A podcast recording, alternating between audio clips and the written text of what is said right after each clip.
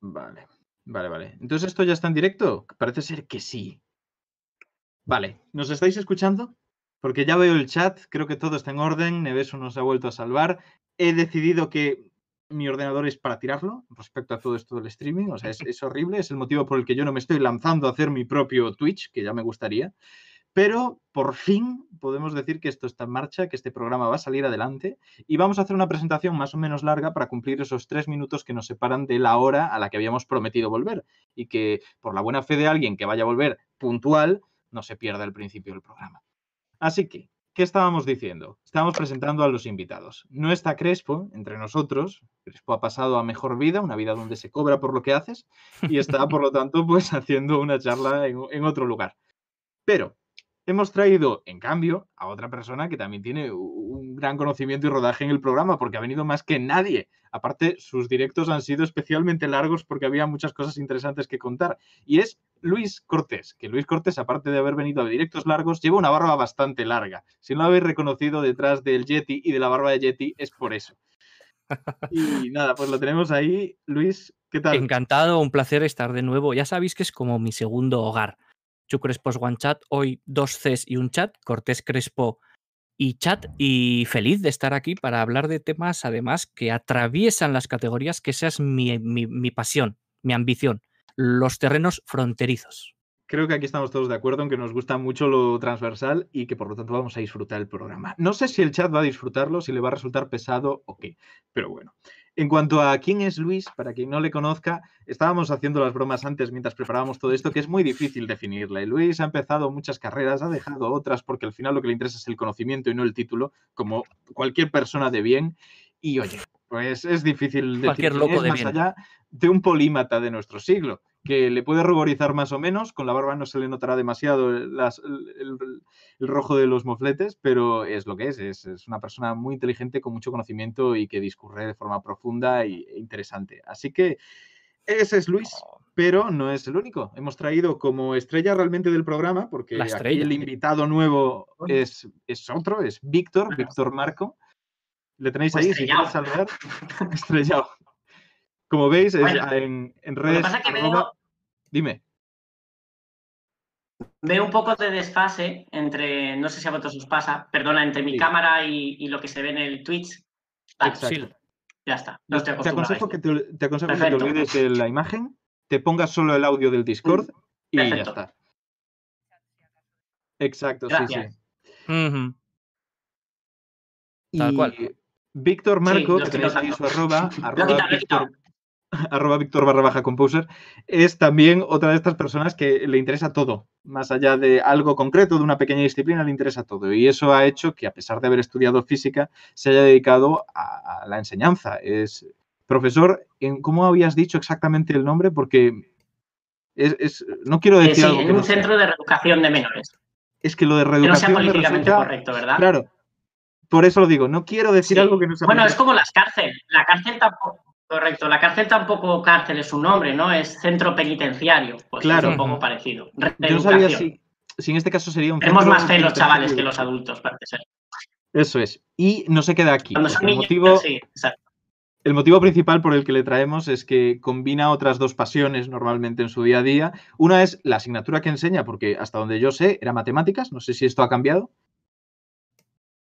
¿Estás No, no, sigue siendo, a pesar del aislamiento, sigo dando matemáticas. Parece siguen siendo útiles. y el hecho de que es músico profesional y en concreto compositor. Víctor compone y sabiendo exactamente cuál es la estructura matemática que hay detrás de, de la, es- pues eso, lo que está creando y además inspirándose en muchas de estas ideas, lo cual es fantástico porque hay mucha gente que se aprovecha de estos conceptos para hacer pasar por elevadas ideas que son mediocres, diciendo que sus partituras, sus Correcto. sinfonías tienen detrás un bagaje matemático muy complejo que las hace más bellas que otras, cuando realmente ahí no hay ninguna afirmación válida. Entonces, esa es la base del programa de hoy. La pseudociencia que se cuela en cosas que no son ciencias, el mito, el, el bulo, el pensamiento mágico, a fin de cuentas, y cómo hacerle frente, porque es siempre muy difícil. Pero, cosillas de antes, de las que decimos siempre en esta presentación que a veces es más larga de lo que nos gustaría. Primero, muchas gracias por estar aquí, chat, porque estáis ahí participando. Nos han tirado las orejas en esta evaluación trimestral de nuestro programa porque somos uno de los que menos participación del chat tiene y la culpa es nuestra, no es vuestra, es nuestra, porque no os damos suficiente paso. Así que hoy os estaremos intentando leer todo lo posible. Todo lo posible, lo prometemos. No podemos prometer que lo consigamos, pero podemos prometer que lo intentaremos. Y aparte de esto, recordad que podéis suscribiros, podéis, aparte de seguirnos, suscribiros al canal, lo cual a nosotros pues, nos reporta cierta ventaja económica, que nos viene muy bien para poder invertir después en que los del Minecraft, que tienen un programa el lunes, tengan un servidor y no tengan que sacarlo de su bolsillo, que yo me compre un internet decente para poderos emitir sin que esto parezca pues el siglo pasado y una serie de cosas que son de mantenimiento. Pero no se queda ahí, porque el 50% de eso que se acabe recaudando, que os tenemos que dar las gracias porque ya sois muchos suscritos y por lo tanto es un buen pellizco este mes, irá a causas benéficas, en concreto a la investigación de tratamientos contra el cáncer y del cáncer, como investigación básica también, a través de una asociación que está por confirmar exactamente cuál será, porque estamos haciendo las últimas negociaciones, pero que tendrá ese propósito. Está confirmado, me dice Nevesu por, por el pinganillo. Yo es que no quería decirlo si no estaba 100% confirmado, pero es la Asociación Española contra el Cáncer en ese caso. Ah, muy bien. Y es importante decirlo, podéis seguirles, hacen un trabajo brillante. Dicho esto, recordad, como siempre, que si os atrae la idea de poder donar el 50% a la lucha contra el cáncer, podéis hacer algo que es mucho mejor, y es donar el 100% a la lucha contra el cáncer, donando directamente a la asociación y dejándonos a nosotros de lado, cosa que nos parecerá totalmente lícita y una persona muy comprometida. Ahora sí, después de todo esto, después de este tocho, creo que podemos empezar. ¿Qué Ah, bueno, me, que me ha faltado decir que El ganáis 100 incentivo. suscriptores. Ay, por favor. Va, bueno, a ver, ¿qué ganáis siendo suscriptores? ¿Qué creéis que ganáis? Va- Vais a decidirlo Además del, par- además del cielo. Exacto, ¿queréis tortitas? Podemos, podemos enviaros, no podemos enviarles tortitas, ¿verdad, Nevesu? Me dice que no. Me dice que todavía no. Pero si os suscri- suscribís suficientes, es posible que se habilite la función en Twitch. Entonces, lo que sí que tenéis es un Discord. Que Discord va a funcionar más o menos como un WhatsApp, pero más interesante con más funciones, privado para solamente los suscriptores. Allí hay gente que está comentando muchas cosas. De vez en cuando nos pasamos nosotros. Los que tienen más tiempo se pasan más. Y los que estamos muriéndonos constantemente, pues nos pasamos solo cuando la agonía nos deja respirar. Entonces, tenemos bastante variedad, pero aparte de esto tenéis esos, esos emotes ahí abajo que van aumentando de variedad a medida que te suscribes en distintos niveles, hay niveles por ahí, y que, que, bueno, que tenéis vuestras ventajas, todas muy bien, muy claritas, y que, mm, que os agradecemos cualquier tipo de contribución. Dicho esto, a mí me sabe fatal hacer spam, es de las cosas que, que peor se me dan del mundo. Y quiero empezar ya, yo quiero hablar de lo que nos gusta, quiero hablar de, de lo que nos apetece. Y mientras, si, si va viniendo gente, pues mejor que mejor. Entonces, vamos a ver. Víctor, ¿cuál es tu experiencia? ¿Hay realmente pensamiento mágico en esto de la música?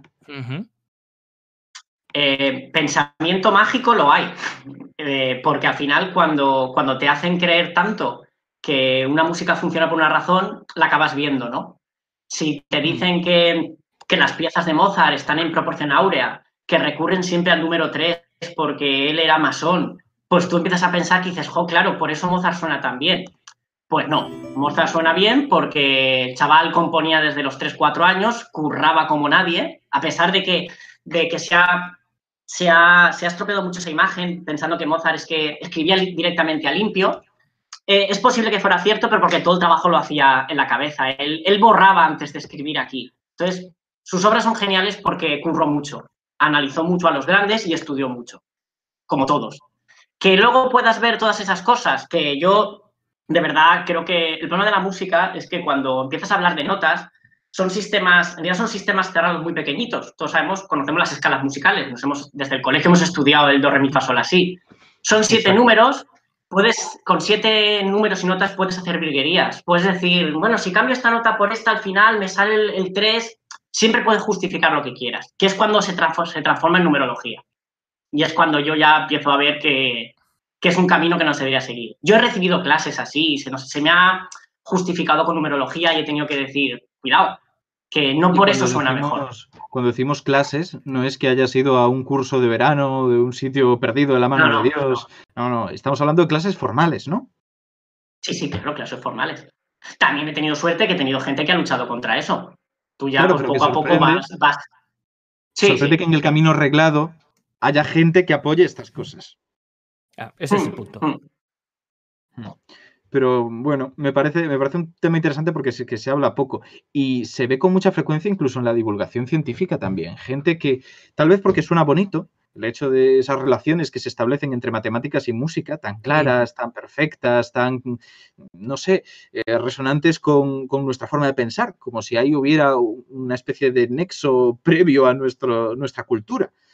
Todo eso Sí. llama tanto la atención que al final acaba calando y hay muchos divulgadores, tanto desde las neurociencias como desde otras, otras disciplinas más genéricas, que acaban comentando esas cosas. Hablan de, de la naturaleza puramente matemática de la música y de, Ujú. de otra serie de reduccionismos que tal vez sean un problema.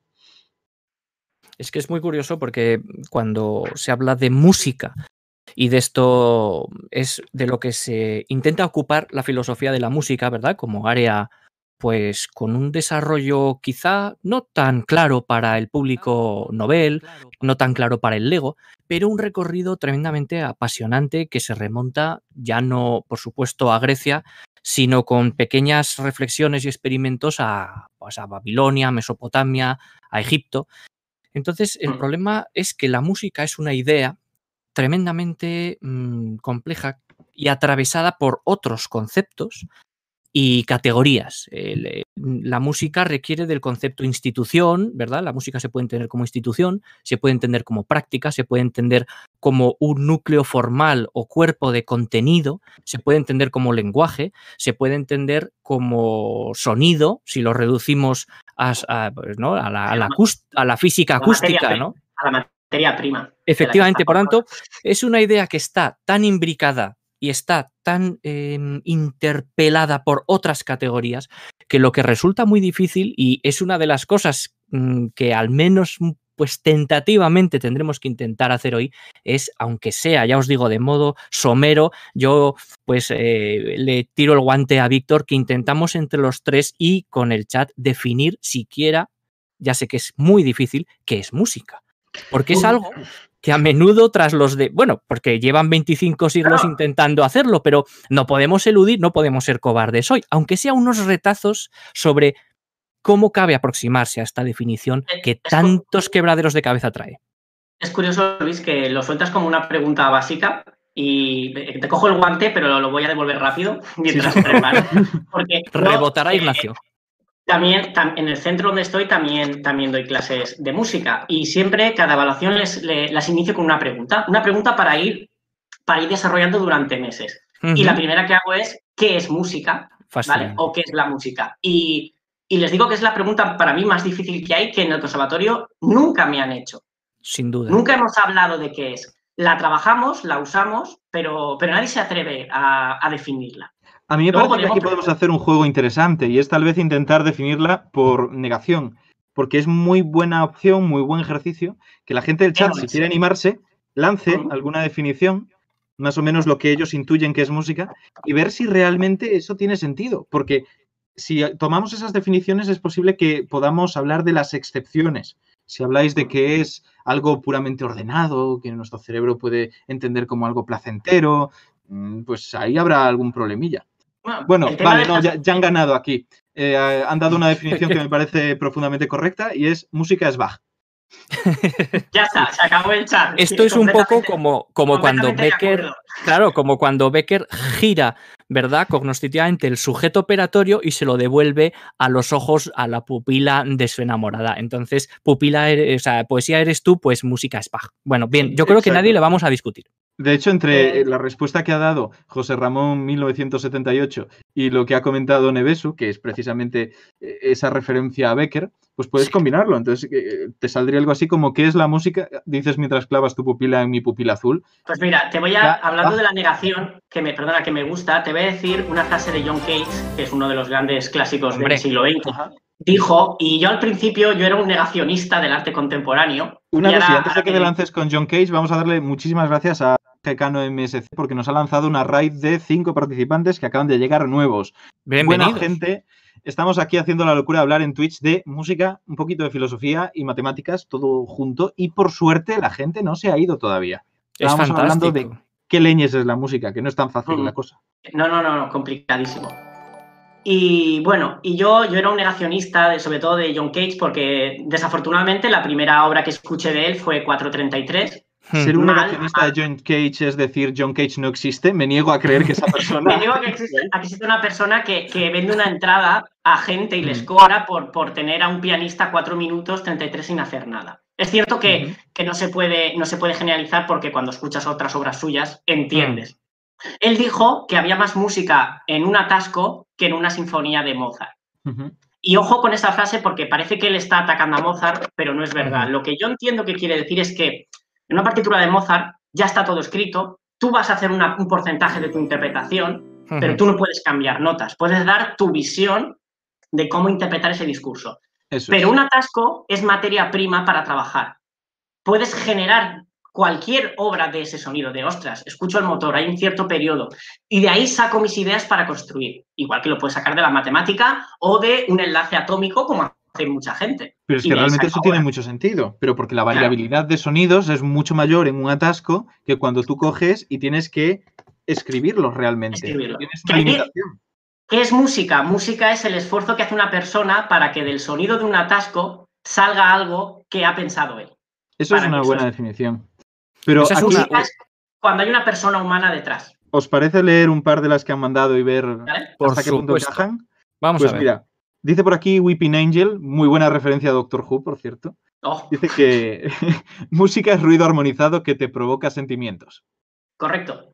Y perdona que, que matice, me ha gustado porque tú antes has dicho placentero y esta persona ha dicho sentimientos, Por no digo. necesariamente placenteros. Correcto. Es que El arte puede cabrearte. Yo dije placenteros precisamente como ejemplo de algo que tendría sus problemas a la hora de Sí, definirlo. sí. Porque es eso, la música puede ser inquietante. Tenemos a, a Debussy que trabajaba muchísimo con sonidos que, que recuerdan eso, sensaciones eh, incómodas.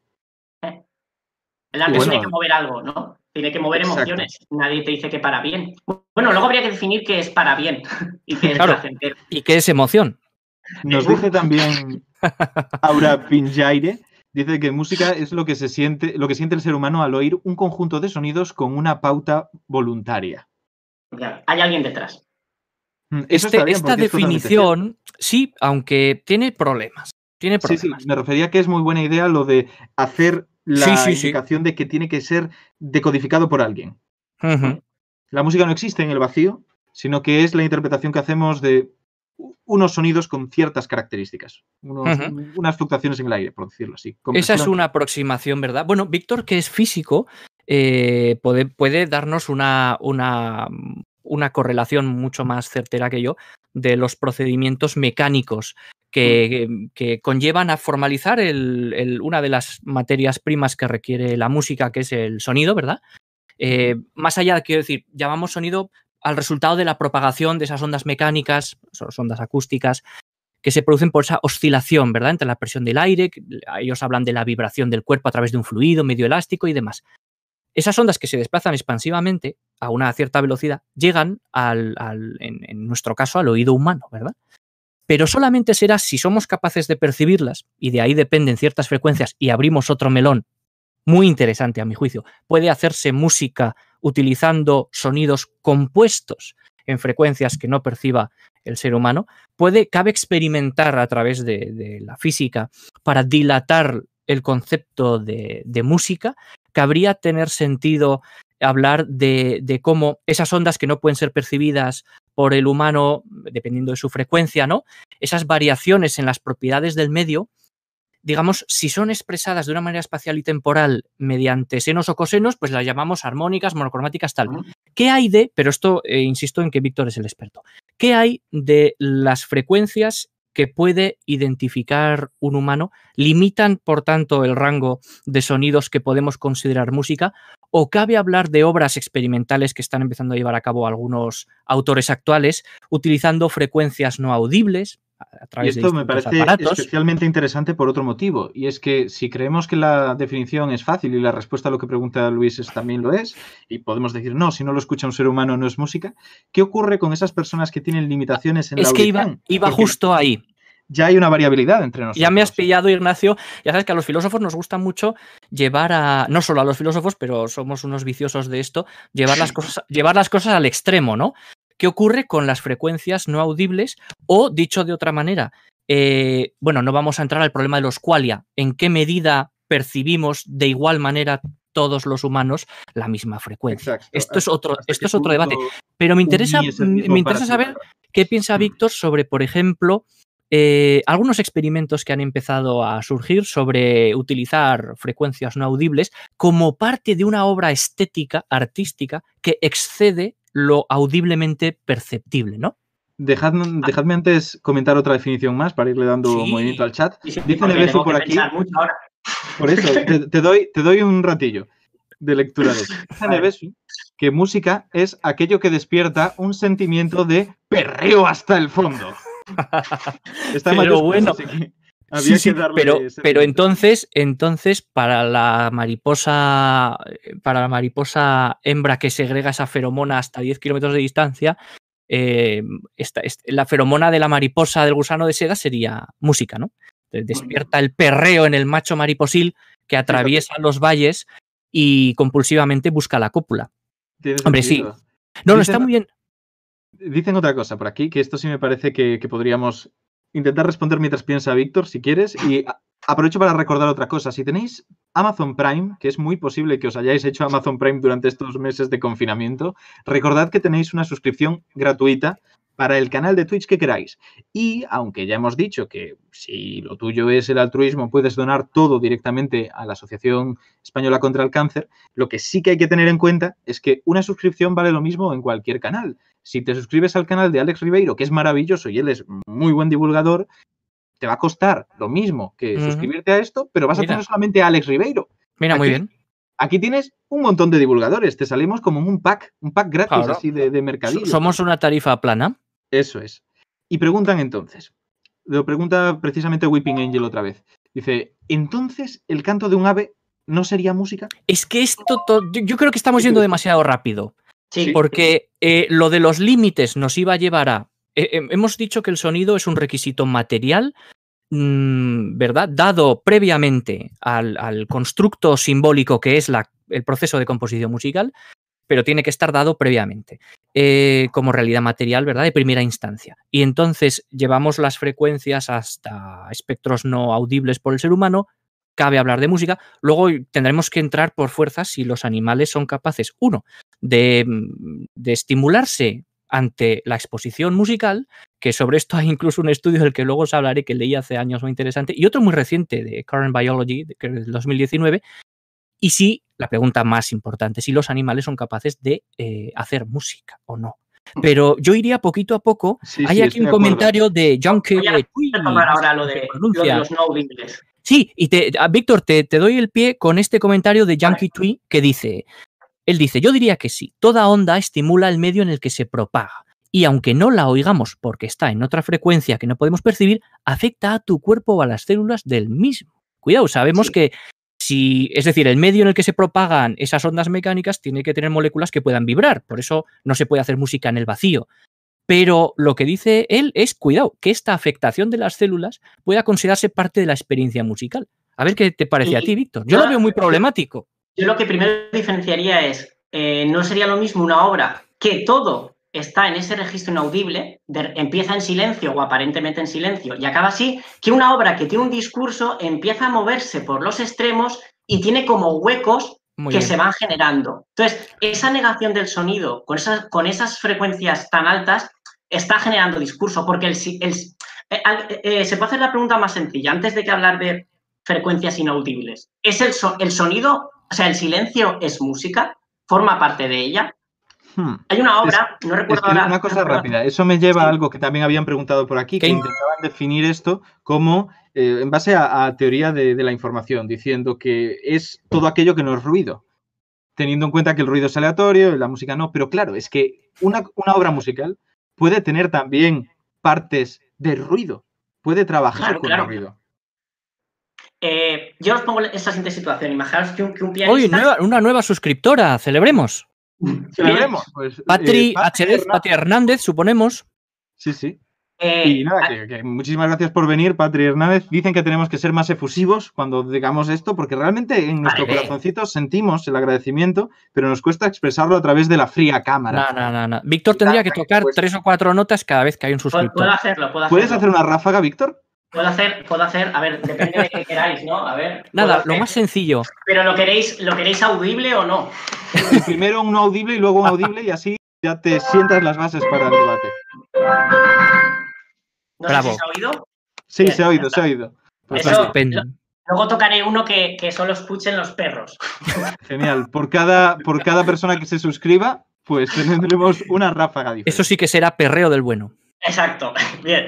Pues bueno, lo que iba a comentaros es, imaginaos, voy a, voy a simplificarlo más, vamos a dejarlo de las, lo del tema de si, si esas células oyen o no. Imaginaos un, un pianista que está tocando en el piano, estáis viendo las manos, veis cómo se mueven, porque no olvidemos que, que la, eh, hablamos de la música y del oído, pero nos estamos dejando la visión. Claro. Y, y es tan fácil como, a veces la- el lenguaje no lo da todo. Tú dices voy a ver un concierto, no voy a escucharlo. Y es Sí, sí. importante. Y si yo voy subiendo con las manos, me ves tacar y de repente dejara de tocar notas, pero siguiera moviendo los dedos, estoy seguro que tú lo interpretarías. Pensarías que la música no ha acabado. Luego retomaría. Hay una Muy obra, bueno. luego buscaré, buscaré cuál es y la pasaré. Es contemporánea, no sé si es Xenakis o, o Ares, que la obra acaba, hay una- un momento apoteósico, sube toda la tensión de la orquesta y cuando viene el, el percusionista, coge los platillos, va a hacer así y no toca. Y la obra acaba así. Es que es fascinante. Esto es un problema, Víctor, me Eso encanta. suena más, suena más que, que es la negación de la tradición de- del chimpún final certamenero de bandas. Y te Claro. quedas así y te genera más tensión porque te vas angustiado porque la obra no ha acabado. O no ha Es- acabado para lo que tu patrón es acabar. Son, en filosofía de la música, lo que has dicho da un estacazo directo al problema metodológico clave, que es distinción entre ruido, sonido y tono. Y el silencio, que es esta cuarta columna hercúlea, que es la que mm, entronca con, la, con, con el arreglo que luego se hace de la ontología de la música, contraponiendo nominalismo, idealismo, respecto a esa relación entre la obra musical y su ejecución, que es otra de las, de las áreas que estudia la filosofía de la música.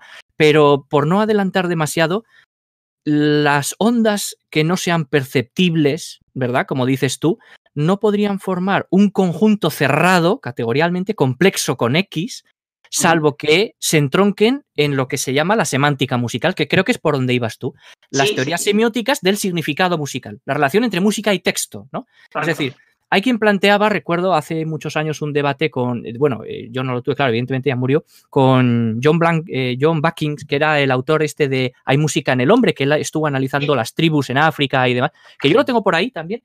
No, eh, ahí- Lo- ¡Ay! qué- yo lo tengo- ahora, ahora lo voy a coger. Sí, pero yo lo tengo por aquí No estaba también. preparado. Así Yo- que no puedo acompañaros. Sí, sí, sí, sí. John Blacking eh, fue un, un autor que eh, hizo una serie de estudios muy interesantes sobre músicas en África, sobre todo en, en el sur de África, y él intentó establecer un paralelismo hasta, sobre hasta qué punto determinados patrones rítmicos se van interpelando culturalmente, y él iba detrás de la pregunta de la pregunta de la universalidad de la música. Él era muy proclive a toda esta moda de, de las teorías innatistas de Noam Chomsky, que tuvieron un, un fulgor y una fisis, un, un rebrotecimiento muy importante en los años 70. Luego eso es criticable, ¿verdad? Si, si la, la estructura musical es innata o no. Es decir, es un, es un texto más o menos de los años 70, este en concreto del 85, el libro que tengo yo, pero sigue siendo una referencia, como, como bien sabe Víctor. A donde yo iba esa eh, ¿Cómo podemos distinguir entre la estructura y el contenido? ¿Y cómo podemos refutar a esta gente que dice la música no existe hasta que, hay teóricos que defienden esto, hasta que empieza a escribirse, hasta el siglo XI, hasta las partituras eh, eclesiásticas y demás, ¿no? Pero por de pronto hemos visto algo muy interesante y es que el discurso mm, estético y artístico puede incluir silencios o frecuencias no audibles como parte de un conjunto de obra. Si bien el elemento material es el mismo. Esto sería como cuando utilizamos en poesía espacios o vacíos verbales o locuciones ausentes como un elemento que refuerzan la estética. Entonces ya hemos dicho algo bastante interesante, ¿eh? Ojo. Mm. eh, Y volviendo- de hecho hay otra Sí. cosilla, que es que también va a raíz de algo que han comentado por aquí. Dicen si eh, la, visi- la visión, la imagen, puede ser parte de la música. Y del mismo modo que el silencio tiene su parte, podríamos decir que el verlo también no es la misma la experiencia de forma neurológica, eso se puede afirmar tajantemente, si solo escuchas algo que si lo escuchas y lo ves. Es más, hay bastantes fenómenos interesantes en los cuales una persona, tú puedes ver cómo está vocalizando unas sílabas determinadas y si te lo ponen en silencio es muy claro lo que están diciendo.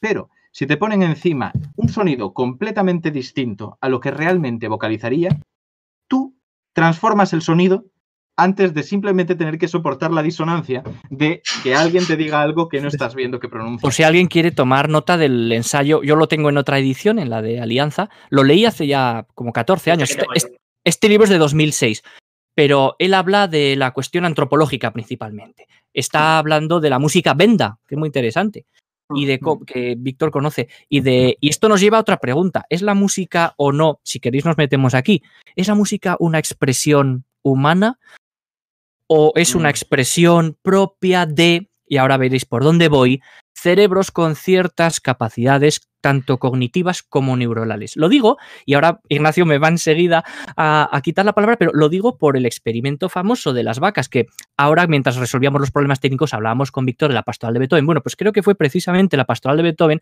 la que se emitió a un grupo de vacas lecheras y hay quien tuvo la, la parsimonia de medir la cantidad de litros que daban e infirió que la música hizo que las vacas pues estuviesen más tranquilas y generasen más leche. Hay otros que dicen, cuidado, eso era porque en realidad la música tapaba otros ruidos que normalmente las estresan. Pero ¿os acordáis del pajarito este, la cacatúa, famosísima? La cacatúa de moño, esta cacatúa de moño rubio. Es, un, es, un- es el estudio este de Current Biology que habla de cómo la cacatúa era capaz de em, pues desplegar un cierto, unas plumas y hacer unos movimientos rítmicos distintos y concretos en función de la música que escuchaba. Exacto. Y esto mismo, que es muy interesante, se ha replicado con otras formas de vida y lo sabemos a ciencia cierta, porque una cosa podría ser que fueran capaces de interpretar la música y de sentirla y otra que además pudieran producir movimientos rítmicos. Es como un marcador, pero que no es necesariamente indicador de si por detrás, por debajo, Claro. hay, hay unos procesos. Y por ejemplo, Robbie era un león marino Que de hecho podéis encontrar vídeos en YouTube y el estudio eh, correspondiente, que era capaz de llevar el ritmo a las canciones de una manera mucho más coordinada que el resto de animales que se habían estado estudiando hasta el momento. O de Y- humanos a veces.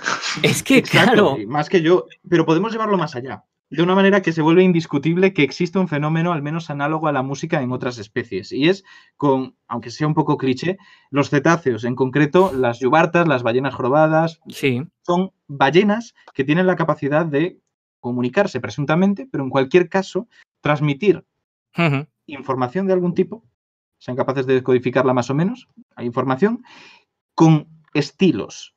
Estamos hablando de que hay una estructura presuntamente gramatical, que podría ser, mm, si no un lenguaje, algo mixto con una música, con, con la propia estructura que tiene Claro. una composición. Y vemos repeticiones rítmicas y de- determinadas, em, por decirlo así, mm, mm, ¿cómo, cómo, cómo explicarlo? Eh, recursos, como si fueran recursos literarios, pero en su forma de estar Claro, es componiendo. que yo creo que Y sí. modas. Yo creo que también. de que la- Sí, perdón. No, acabo no, no. de- Por aquí nos dicen que bebamos agua, que es importante hidratarse. Es el automático, es el, el propio chat que de vez en cuando nos lo dice. Pero el caso de las ballenas jorobadas tiene una cosa muy curiosa, que es que no todas cantan lo mismo y tampoco es el caso de que todas canten cosas completamente distintas, sino que existen modas y van aprendiendo unas de otras y se van extendiendo. Las modas no ocurren inmediatamente en todo el planeta, sino que las distintas ballenas, a medida que se escuchan a kilómetros de distancia, van aprendiendo y contagiándose distintos patrones que por algún motivo les parecen más atractivos. Y cada 20 años cambian tanto algunos de sus patrones que podríamos compararlo con los cambios normales que hay en las músicas que todos escuchamos. O sea, es, Mm. es muy, muy apasionante.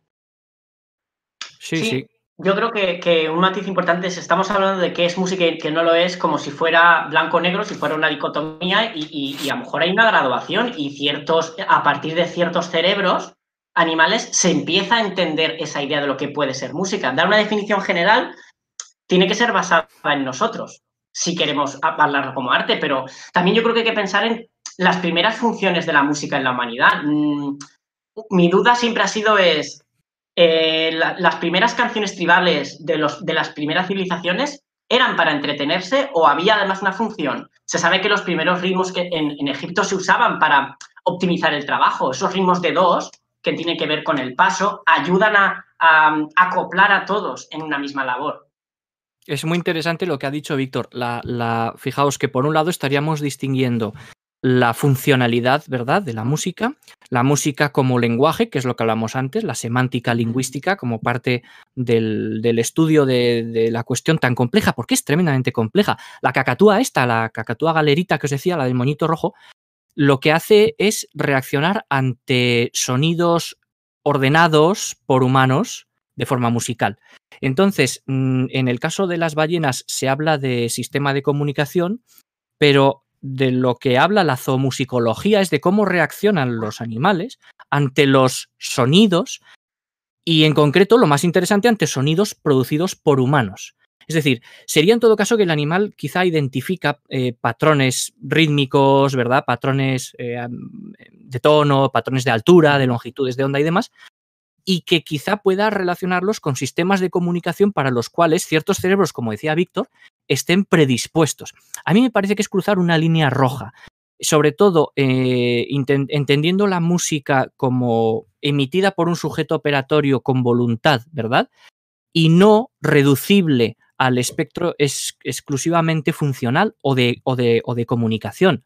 Sí que me encanta lo que dice Víctor porque tiene mucho relación con el origen de la pintura rupestre, sobre la que tanto se está, que es, que es perfecto, estamos conectados. Al final, la pintura rupestre, hay muchos, eh, muchas teorías sobre qué se, qué se, qué se encuentra detrás, ¿no? sobre qué la origina.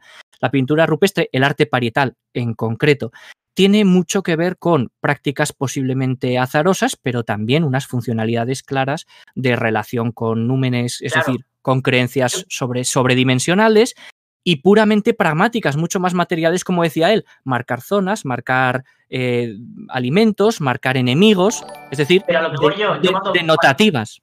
Cuando veo en Altamira ese, ese, ese búfalo o ese bisonte tan bien hecho, pienso que, tiene una función incluso pedagógica. Para mí eso es una pizarra, estás enseñando a tus vástagos a cómo cazar. Pero luego me pongo en la piel de ese pintor y pienso, joder, seguro que estaba disfrutando mientras lo hacía. Es perfecto, porque hay un, hay un una comparación compleja. y, pero de todos modos me parece interesante plantearnos otra cosa que no hemos llegado a nombrar, aunque lo hemos dejado más o menos presente, y es eso de que tal vez la definición la vayamos a imponer nosotros, porque sea algo progresivo, que dependa de factores diversos que tengan que coincidir en un ser, un ser vivo, pero que tal vez puedan interpretar algo que sea música de forma antropogénica y que no tengan una música propia ellos como especie, o tal vez lo contrario. Y ver qué significa, perdona, esa resonancia de la cacatúa. Esa cacatúa de alguna forma está resonando con lo tuyo. Tú no sabes si es puramente, está escrito en su cerebro, que por lo que sea. Yo ahora mm. puedo, voy a poner un ejemplo un poco bruto, pero para intentar explicarme. Yo ahora puedo tocar una nota y algún hierro de mi habitación puede resonar, porque es un armónico y tal. Y yo no voy a deducir que ese hierro está vivo y se está emocionando por mí. Eso yo sé por, Claro, yo sé por qué está resonando. Ah, es que tiene la misma distancia que mi cuerda.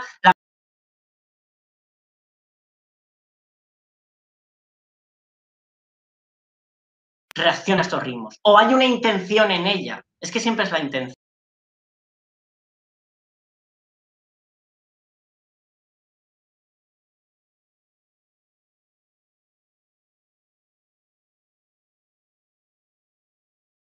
Distintos factores y que nuestra decisión será si queremos llamar a música de los últimos dos minutos enteros. Eso es, eso es un... Vale. Víctor decía...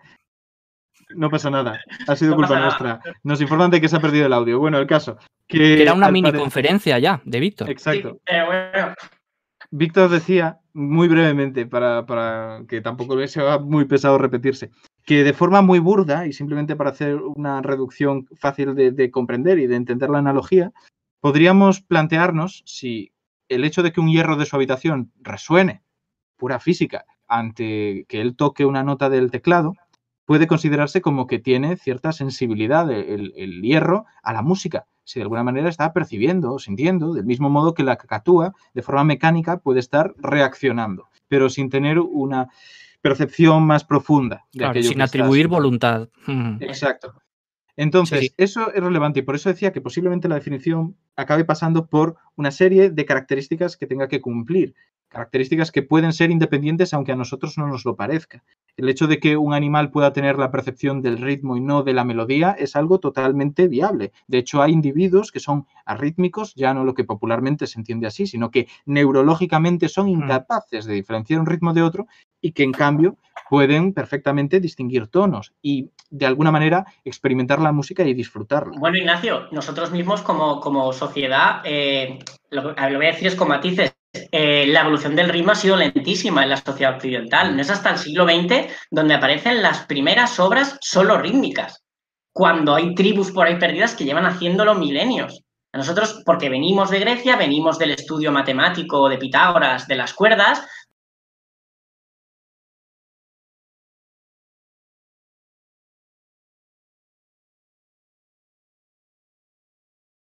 otros cerebros a saber lo que les puede costar o si de verdad lo están haciendo. Dicen por aquí en el chat, la música tiene silencia, pero el directo de escenio también. Sí, ya lo he leído. Hay algo que no hemos... Eso es creatividad, eso es creatividad, eso es arte. Conseguir hacer una broma con, material que hay por ahí. Han puesto muchos ejemplos de aves, como por ejemplo acaba de comentar José Ramón 1978 que el ave lira imita los sonidos que le rodean y crea su propio canto de apareamiento a partir de lo que oye de forma puramente mecánica, sí, pero no sabemos hasta qué punto está entendiendo que ahí hay algo más allá que la propia imitación. En la imitación no tiene por qué haber música, no tienes por qué entender. Puedes, puedes crear un programa informático con relativa facilidad. Bueno, vamos a lo mismo. Una grabadora está imitando tu música. Está copiándola tal cual. Del noventa y tanto por ciento. Claro. ¿Y qué es lo que tiene valor aquí? El hecho de que el ave sea sensible a la música y es lo que consigue que por selección sexual encuentre pareja, o es su capacidad para imitar mecánicamente un sonido, que posiblemente sea eso lo que se está valorando de forma tácita. Claro, hay, son cosas hay, algo que no, hemos, que no hemos comentado, pero que creo que viene ahora mismo al pelo, y es el, el concepto que necesariamente ha de, ha de urgir la música, que es la memoria cuando hablamos de, los, de las aves, ¿verdad? O de las ballenas y de las modas, eh, entendemos, partiendo de la definición de George Dickey entre teorías del arte de tipo natural y teorías del arte de tipo cultural. ¿Cuál es la diferencia? Pues que las primeras consideran, digamos, que mm, el arte emerge de una actividad natural, cuya creación es resultado de una conducta natural, y por contra, esas teorías del arte entre la que podríamos entroncar la música, tal y como la vamos perfilando en esta pseudo definición del programa de hoy, es la que eh, requiere de unas estructuras institucionales como una matriz necesaria y suficiente. Es decir, la música entendida culturalmente requiere que se pueda transmitir como aprendizaje. Y esto los animales no lo hacen. Es decir, por mucho que esa cacatúa Mm, eh, mueva sus plumas de una manera más o menos pautada, no transmite este aprendizaje. Y esto nos lleva directos a que podemos considerar la obra musical eh, tanto como lo registrado como lo expuesto y en el sentido en el que, eh, digamos, el intérprete musical, que a menudo es un autor distinto del propio compositor, Víctor nos puede decir mucho, eh, cada vez más. Claro, cada vez más, efectivamente, que cada, cada, vez más podríamos hablar entonces de eh, actividades sonoras dotadas de funciones sociales, pero que no necesariamente son estéticas. Y entonces estas actividades sonoras eh, con funciones sociales pueden ser el sistema complejo de silbidos que tienen en ciertas islas de Canarias, que se está perdiendo. Esto no sería música, o por lo menos no sería una música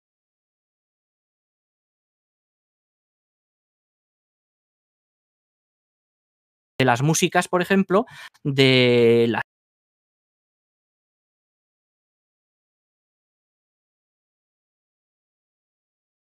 tiene eh, un cierto, aunque pequeño, grado de deliberación, por lo menos, ¿no? Hacia dónde dirige el canto. Los lobos se suben a las cumbres de las montañas para tener una acústica mejor, no porque tenga ninguna relación con la luna.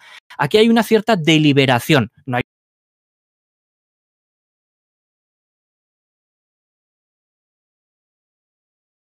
Sí. Vale.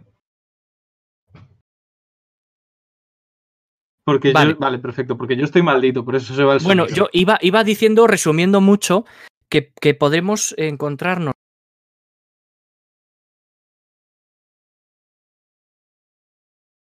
digamos, eh, interpelativa, etcétera, pero no necesariamente una función estética. Hablábamos de, de cómo los animales emiten sus sonidos en determinados entornos, altitudes, ¿verdad? Hablaba de los lobos, no sé si se ha escuchado, cuando se suben a los, a los riscos de las montañas para que su aullido eh, lo hacen de una manera inconsciente, pero no necesariamente automática, sino deliberada, deliberada por instinto y aprendizaje, es decir, una mezcla.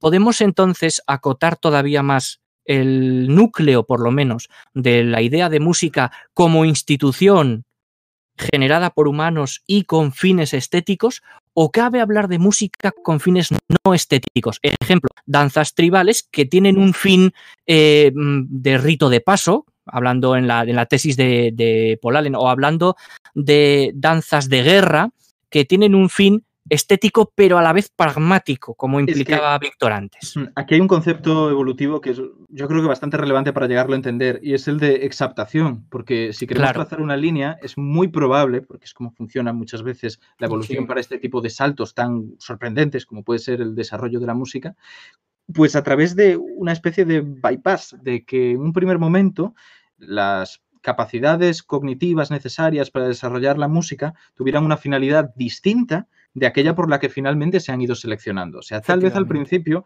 esos ritmos tenían la capacidad de calcular la velocidad a la que viene corriendo hacia ti una estampida de lo que sea, en función de si sus pasos son más rápidos o menos rápidos. O, en fin, muchas características que puede ser sobre, por ejemplo, la percepción temporal, la simple percepción temporal y los patrones que combinados te permitan acabar percibiendo ritmos. Y si esto es así, podríamos decir que el principio de la música y por lo tanto lo que podríamos llamar difusamente música en un principio evolutivo tenía una finalidad puramente práctica. Ya fuera una música.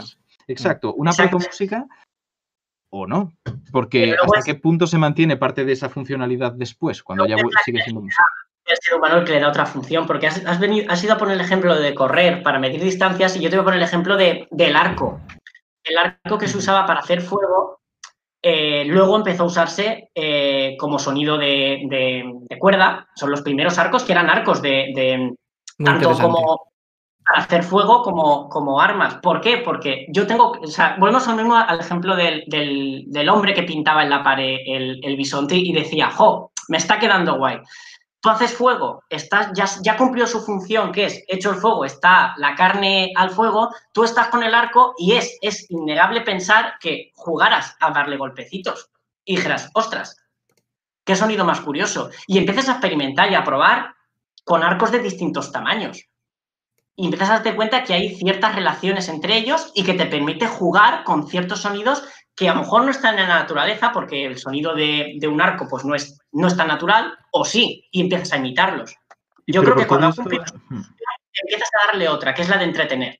Por eso, por todo esto me parece que tal vez es difícil llegar a decir que la música es estrictamente estética o, con los fines que estábamos intentando definir, pero porque me parece, y, quiero que Luis se extienda con esto todo lo que haga falta, que aquella definición a la que lleguemos va a ser una definición operacional, una definición creada por nosotros para poder trabajar con ella, intentando minimizar las exclusiones de cosas que intuitivamente nos parezcan música y intentando incluir todo aquello que sí lo sea, pero nunca pudiendo trazar una frontera perfecta y objetiva. El problema, claro, eh, sí se pueden trazar fronteras perfectas y objetivas, pero tienen la limitación de aplicación, como hemos hablado con Ignacio y con Crespo en otras ocasiones, de la, de la derivación respecto de tu propia teoría que tengas sobre el arte o teoría de la ciencia etcétera, etcétera. Es decir, la filosofía de la música es una reflexión de segundo nivel, ¿verdad? En esto estamos de acuerdo, sobre la naturaleza de la música. Primero tiene que darse la música,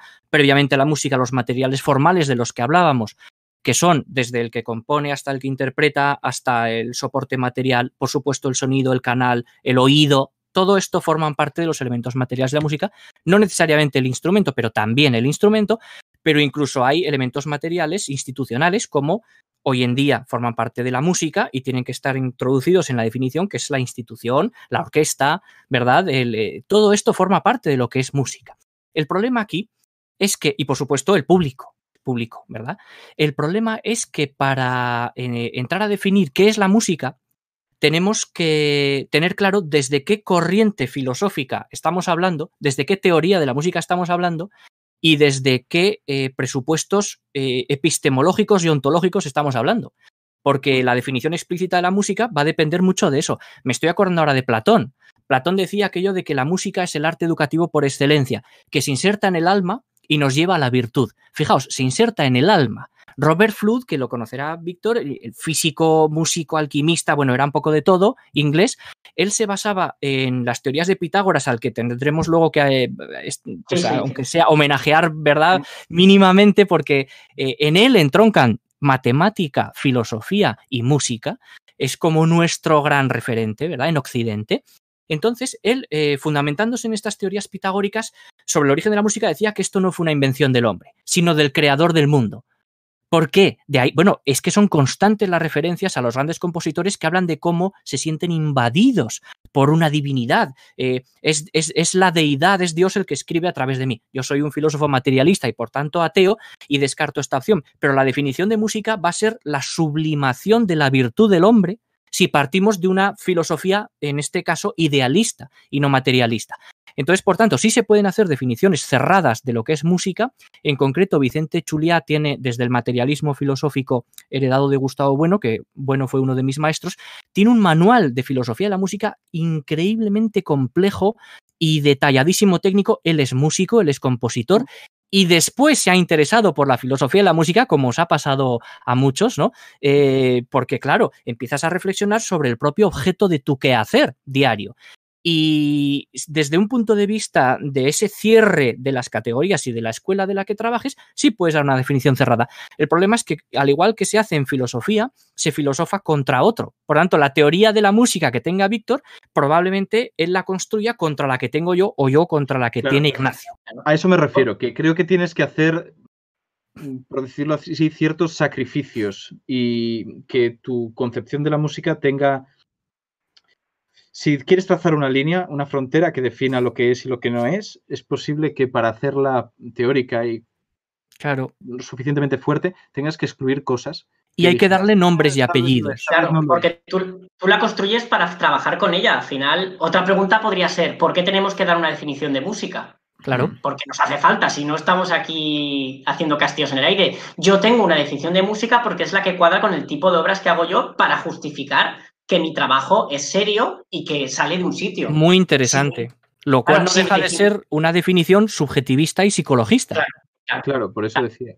Pero eso no quita a que no podamos alcanzar parámetros objetivos de Comunes. Sí, sí, me he expresado mal porque no quería decir objetivos. Evidentemente puedes establecer la definición en función de parámetros objetivos.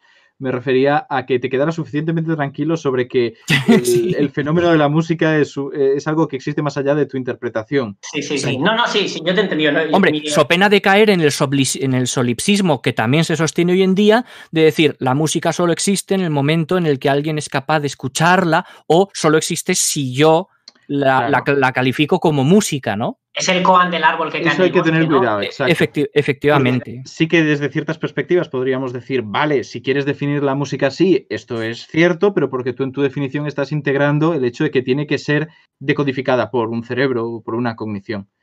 Entonces, en ese caso, evidentemente, para que sea música tendrá que haber alguien que la escuche. Pero, es, un, argumento, es una petición de principio, es un argumento circular. Exacto, ese es el tema. Es curioso que, se ha empezado a intentar definir más de forma más rigurosa a partir del siglo XX, cuando empieza la música a evolucionar, a trabajar con el ruido y necesitas atarlo todo para que la gente no piense que estás haciendo cosas que no son música. Ese es el tema.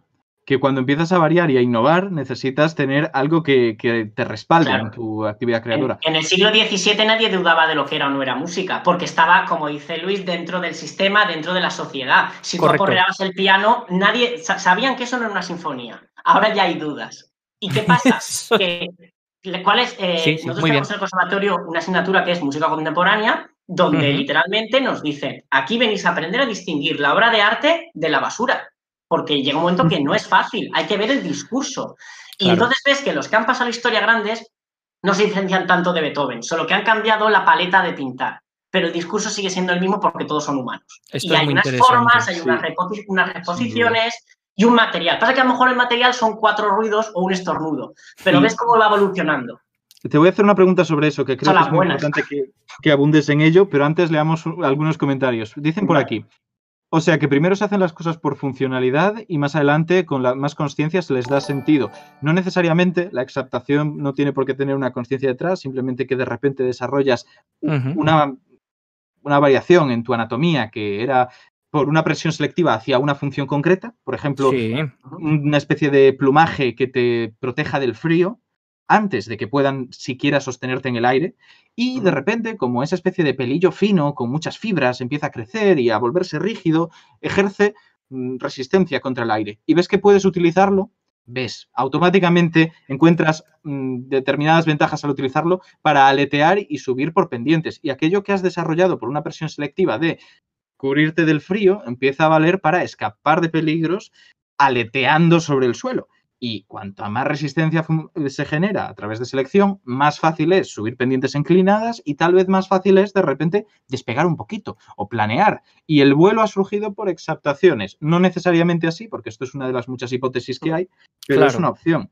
En este caso, sí que estamos planteando que muchas funciones cognitivas muy elevadas, ya puede ser pues, eh, nuestros lenguajes profundamente complejos o las matemáticas, aunque hayan tenido una ventaja evolutiva concreta, no es necesariamente una ventaja por ser disciplinas tan desarrolladas como ahora mismo, sino porque aquellos motores cognitivos que las hacen posibles, aquellas funciones básicas sobre las que se asientan, tenían funciones mucho más del día a día en la naturaleza, encontrar patrones, predecir el comportamiento de los enemigos, etcétera. Entonces, esto me parecía que era importante puntualizarlo porque si te quedas solo con la frase es fácil llegar a Mira, ahora un ejemplo más, eh, perdona- Sí. perdonadme, con el tema de lo de la evolución y las funciones, igual que el Mm. ejemplo del arco, cuando se construyó el piano, el piano se construyó para, con unas, para unas funciones, era un instrumento, eh, pues eso, muy aristócrata, para que todo el mundo tuviera como una mini orquesta en casa, ¿no?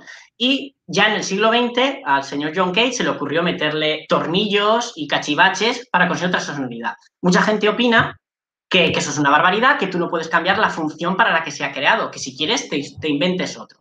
Pero cuando descubres de dónde viene el porqué de esos tornillos, entiendes que, al final todo es una evolución y un desarrollo. Resulta que John Cage se le, se le encargó hacer una obra para un ballet y tenía que ser una obra de percusión. Y cuando fue al sitio del estreno, se dio cuenta que era tan pequeño que ahí no cabían suficientes percusionistas, pero sí que tenía un piano. Y decidió modificar ese piano para que se transformara en un instrumento de percusión. Al modificar cada cuerda, las teclas se transformaban en botones que articulaban instrumentos de percusión. Me parece una idea sublime. Ha, dado, ha llevado ese instrumento a otro paso evolutivo. Es muy bueno. Eh, Cuando ya entiendes la razón, no es este tío pues ha metido tornillos porque no se le ocurre nada No, nuevo. no por azar. Exacto. Es que aquí hay otro. Otro... la- Jo, es que de, de verdad estoy feliz. Estoy ahora mismo feliz. Se me queda cortísimo el tiempo. Es un tema muy interesante. Hay, ah, quería hablaros de la moralidad de la música, pero lo voy a mandar a la porra porque no, no, no procede. Hay algo, claro, no da tiempo. Hay algo que sí que me gustaría rescatar eh, y es el tema de. Por, por, porque la gente se acuerde de que estamos en un programa de escepticismo, ¿verdad, Ignacio? Aquello que no es que no lo hemos comentado, pero era. fue buenísimo, fue muy sonado. Y es el famosísimo efecto Mozart. Porque ese nos puede llevar a buena Sí, música, mala música. Cuando una música no es buena, decimos que es un ruido infernal, pero esto pasa desde, desde la Grecia clásica, cuando no encaja en el canon. Y es lo de siempre, ¿no? Pero la música dionisiaca, ¿no, Luis? que- eh, totalmente, claro, claro. la Apolínea. Eh, Apolín, claro, efectivamente, el orden y el cosmos, el caos y Pero, el- una- pero además, lo hablaba con Ignacio al principio, de que hay una justificación científica y física de por qué se han generado estas dos líneas de pensamiento. Y acabo esto y perdona que te he interrumpido. Es que, Por favor, pero si eres Eh, el invitado, es- yo solo soy un actor secundario, tú eres el No, no, protagonista. no. Es que, es que además cuando has hablado antes de lo de la, lo de la que habías estudiado mitología, me he acordado. Eh, Sí. La música apolínea, que se considera la, la perfecta, la que entra dentro del canon, la de Apolo, cuyo instrumento es la lira, es porque la música teórica griega está basada en el estudio de las cuerdas. ¿Por qué? Claro. Porque es lo más fácil de reproducir. Tú Claro. tienes cuerdas iguales del mismo material, vas colgando de mismos pesos y consigues las mismas tensiones. Y ves que hay una relación matemática, porque es fácil de ver. Pero ¿qué pasa con los instrumentos de viento? Que aunque hagan los agujeritos a las, a las proporciones pitagóricas, el soplido tuyo también afecta. Y el Esto momento que no soples igual, suena desafinado, suena infernal. Y por eso se asocia a la flauta de pan, de Dionisio y todo esto. Y eso aún sigue ahora, ¿eh? La orquesta es lo elegante, los violinistas. Claro. Los clarinetes es la charanga que tocan en falla. ¡Ey! Seguimos con. Corto esto ahora mismo, ¿eh? Corto esto ahora mismo. Con los clarinetes, nada. El- el- no, claro, porque, nada. porque ver, Ignacio es un. Claro, Ignacio es un gran defensor del tamborilero. Pero. No, yo, yo, yo soy he sido clarinetista, así que. ¡Ay, qué cuidado, bueno! cuidado. Mira, esto no Ah, lo ah, sabíamos ah. aquí. Bueno, Bueno. pues la dolzaina, la dolzaina. Pero, pero, claro, claro. Pero es que la tesis de, de, de Lango, de John Lango, que lo conocerás, Víctor, es la de que para poder hablar de música tenemos que hablar de sonidos estructurados, ¿verdad? La clave aquí no está tanto en que sean estructurados o no, porque eso es no decir nada. Es si esos sonidos los estructuramos nosotros de una manera arbitraria o están intrínsecamente estructurados. Y esto encaja mucho con nuestro gran protagonista, al que tenemos que hacer, si me lo permite Ignacio, una mención mínima, que es Pitágoras. Y de ahí quizás saltamos al efecto Mozart, si le parece bien al jefe, Me parece bien. la, la armonía. Es decir, la armonía es una ocupación de- constante de la escuela pitagórica en, en todas las etapas en las que va desarrollándose. La música para los pitagóricos, y esto es lo importante, tiene un carácter metafísico. Es decir, es una elevación y una purificación del alma, a la par que permite una contemplación intelectual. Pero la música es tan importante para Pitágoras porque eh, se deduce de ella una relación que es congruente, que no es arbitraria, eh, de sonidos agradables y de pautas matemáticas. Claro, ¿qué se considera agradable? Es lo que ya es producto evolutivo y, y refinado culturalmente. Pero digamos que esa, esa congruencia para él representaba, como luego el, por supuesto, el cosmos y todo el modelo en Ptolomeo heredero de Pitágoras, un orden. Un orden y, por tanto, un control de lo desconocido. El análisis matemático que hacen, bueno, cuenta Boecio, ya sabéis, por si el chat no lo conoce, que Pitágoras empezó eh, observando cómo sonaban distintos eh, martillos golpeando en, los yunques de los herreros de la época, ¿no? Y entonces eh, él observó que eh, a diferente tamaño y por tanto peso del martillo, el sonido era distinto. Esto nos lo puede contar eh, Víctor perfectamente. Sí, sí. Me, me, estoy metiendo en su área. El No, caso no, es que- se parece, se, eh, se- se piensa, según Boecio, que lo que hizo luego es ir a su casa y colgó de unas cuerdas los martillos de distintos eh, pesos y por tanto tamaños y observaba que producían los sonidos eh, correspondientes. Pero hay algo que no encaja ahí, y esta es la crítica que se ha hecho siempre desde la, desde la nueva ya teoría de la ciencia, y es que la frecuencia del sonido eh, producido por una cuerda eh, que vibra no está en proporción con la tensión de la cuerda, sino con la raíz cuadrada de la tensión. Que esto es algo que ya se empezó a desarrollar después. Es decir, había un matiz, una, un refinamiento. Y entonces es cuando Pitágoras, al que por cierto no le interesaba la música en, nuestro sentido moderno, sino que le interesan los números, le interesa el triángulo, el concepto de triángulo, de número, de intervalo. Entonces luego coge él y lo que parece que hizo es inventar este, este, este instrumento monocorde, ¿verdad? Que le sirve para, eh, para, verificar la teoría musical. Entonces lo que hace él es tensa la cuerda, ¿verdad? Tensa una cuerda musical eh, que toma como referencia y la va dividiendo en 12 partes iguales. Y de ahí salen, pues, eh, pues sale, sale pues, la, la, octava, sale la quinta, salen las fracciones, ¿verdad? El medio, los tres cuartos, los dos tercios y demás. Eh, pues la octava, la cuarta, la quinta, entonces los sonidos musicales, él, él comprueba que se corresponden a números. Y entonces los del mismo tono se corresponden al mismo número y los de tonos distintos a números distintos. Y entonces él establece la conexión de la armonía musical. Pero la pregunta aquí gorda y dura, que llevamos 25 siglos haciéndonos, Pitágoras es siglo VI, V antes de Cristo, más de 2500 años es, ¿esa relación que nos resulta agradable está en la naturaleza? Es que yo quería acabar con eso. Y que esto es gordo, gordo. Pero porque creo que hay una pregunta incluso previa. Y es la que quería que abundara ahora mismo Víctor. Claro. Sobre lo que dijo antes. Y es, ¿todo vale? ¿Todo es arte? ¿Todo puede ser arte? ¿Existe bueno, alguna limitación en cuanto a arte? Eh, es que entre caer en un relativismo muy bestia y establecer ciertas indicaciones, pues no sé. Bueno, si la, te voy a contestar rápido mientras pienso la respuesta de verdad. Si tienes público que vaya a escucharlo, ¿no? Y paga. Lo, lo, que ha dicho, y paga, lo que ha dicho Luis, está el emisor, o sea, el compositor, luego la, el, el, problema de la música es que a diferencia de otras artes necesitas un intermediario claro. que se interprete. Pero necesitas un público, como en todos. Mientras haya público, hay arte, ¿no? Si hay alguien que le gusta lo que haces. mientras haya público hay algo tal vez, pero yo he decidido llamarle arte y han venido, pero no necesariamente han venido porque yo le llame arte. Tal vez le llamo gato, les gusta lo mismo y no por ello lo que yo estoy presuntamente tocando es un gato, por mucho que tenga audiencia. Entonces habrá que preguntarse si vienen dos veces, si vienen a, tu segundo estreno. Eh, acaban, de, acaban de regalar un montón de suscripciones de golpe Cinco suscripciones. Gracias, Mikidoc, porque sin Crespo es difícil que la gente haga suscripciones. Estamos además haciendo un programa muy duro, así que mm, os agradezco a todos muchísimo que sigáis aquí. es que se ha ido Crespo y nos hemos desatado. No, no, total. Pero es que. ya sabes cómo me pongo, ¿para qué me llamas, Ignacio? no, no, que yo os he llamado a los dos porque quería eso. Quería hacer algo que no me había Quería la implosión. Quería la implosión.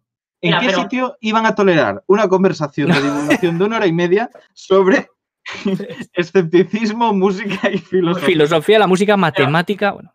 Ahora, ahora que has dicho lo de si todo vale, retomando lo que ha dicho Luis de, la cuerda y tal, eh, mi pregunta es: ¿es estudiar una cuerda porque era lo más asequible?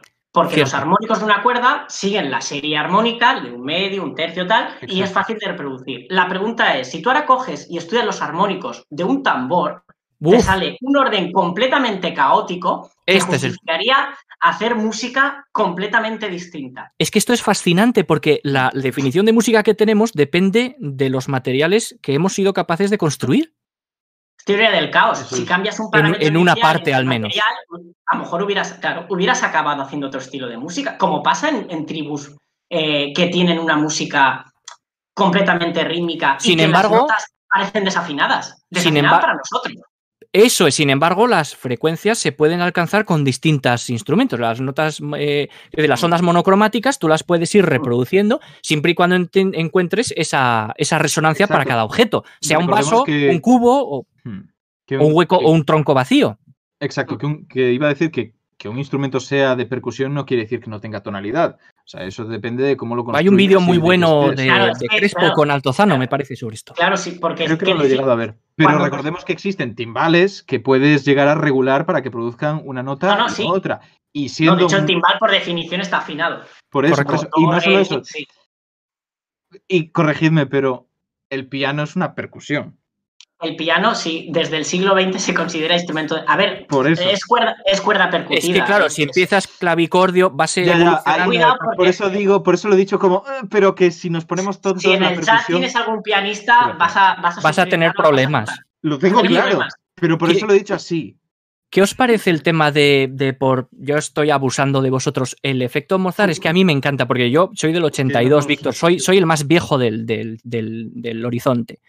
Y, entonces me acuerdo de que por aquellos entonces hubo una mala interpretación de un ensayo científico que se puso muy de moda en los 90, no sé deciros el año, ¿eh? no me preguntéis, no me acuerdo del título, pero hablaban de que escuchar la música del célebre compositor austríaco, pues ayudaba a, desarrollar la inteligencia a largo plazo, no solo la calma y el bienestar en el niño, sino que incluso antes de nacer aplicado a las madres, ¿verdad? Que estaban en estado de buena esperanza, pues permitía que esa persona después desarrollase unas facultades extraordinarias. Se vendieron millones de copias de discos de, de este mejunje para jóvenes, niños, incluso fetos, como os digo, pero aparte de que la ciencia es absurda y lo ha desmentido, eh, sí que sabemos que escuchar música provoca un efecto positivo en la atención de durante unos minutos porque reclama, ¿verdad? Y aquí es Ignacio el que igual nos puede dar clave. Y, y, luego me gustaría una opinión de Víctor, eh, y me callo, sobre la musicoterapia, que no lo hemos sacado. Vale, me callo, me callo.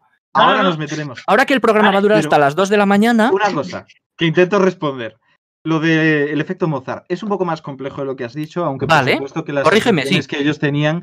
O sea, el aumento de inteligencia es un bulo, pero sí que hay cierto efecto. Igual no solo con Mozart, ¿no? Sino con. Es sobre todo un tema en cuanto al tiempo.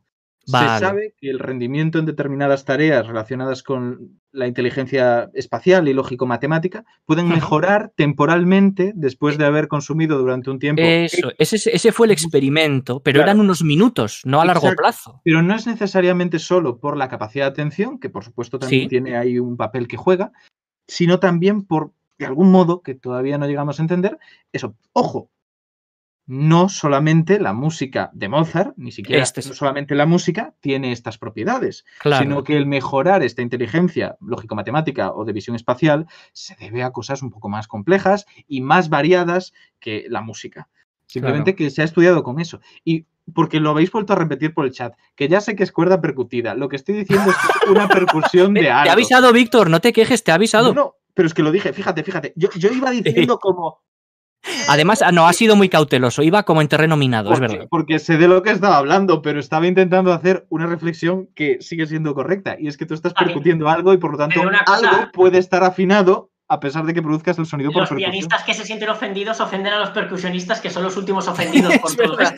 Por supuesto, por supuesto. Y a los, a los maestros del djembe, sí, sí. Claro, como Exacto. si fuera peor por ser de percusión, ¿sabes? Con lo que mola. No, no, eso es lo de que el humor tiene que ir de abajo arriba. Oye, y, pues, compañeros. ¿y musicoterapia qué? Yo aquí me callo porque...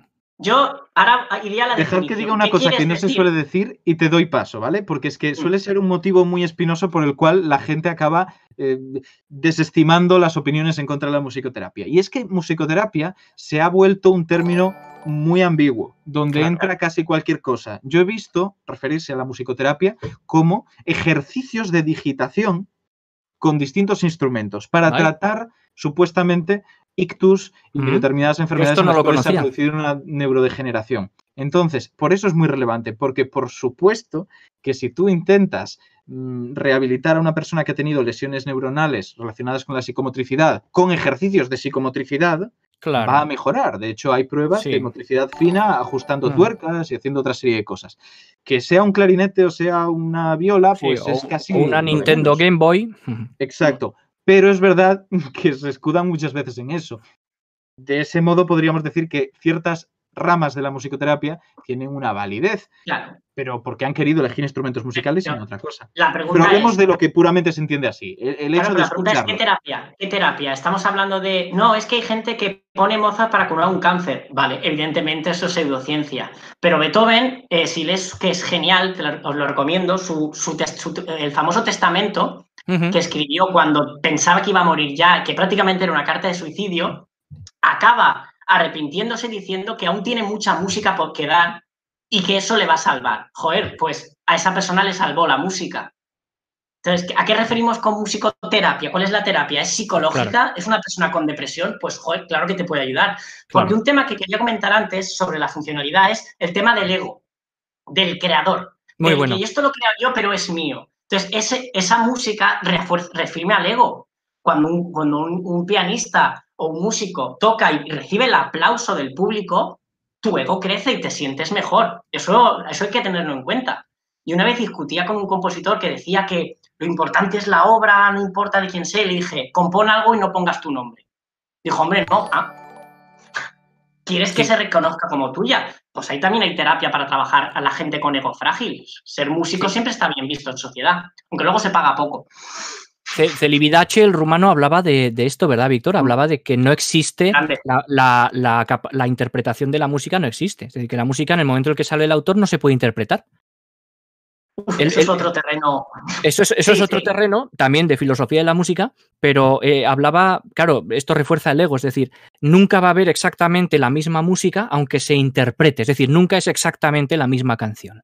Esto, Pues esto, vamos, eh, es que podríamos hablar de. de- pero esto se nos va. ¿Hay, mus- ¿Hay música en una partitura escrita o hay cuando la interpreta alguien? Porque yo Claro. ya, por la experiencia que tengo, cuando veo una partitura la puedo entender más. Mi opinión personal es que la partitura en sí no es música hasta que es ejecutada. Es una, es una si queremos, una, una topografía eh, musical, pero esto requeriría muchas justificaciones que no me da tiempo de hacer.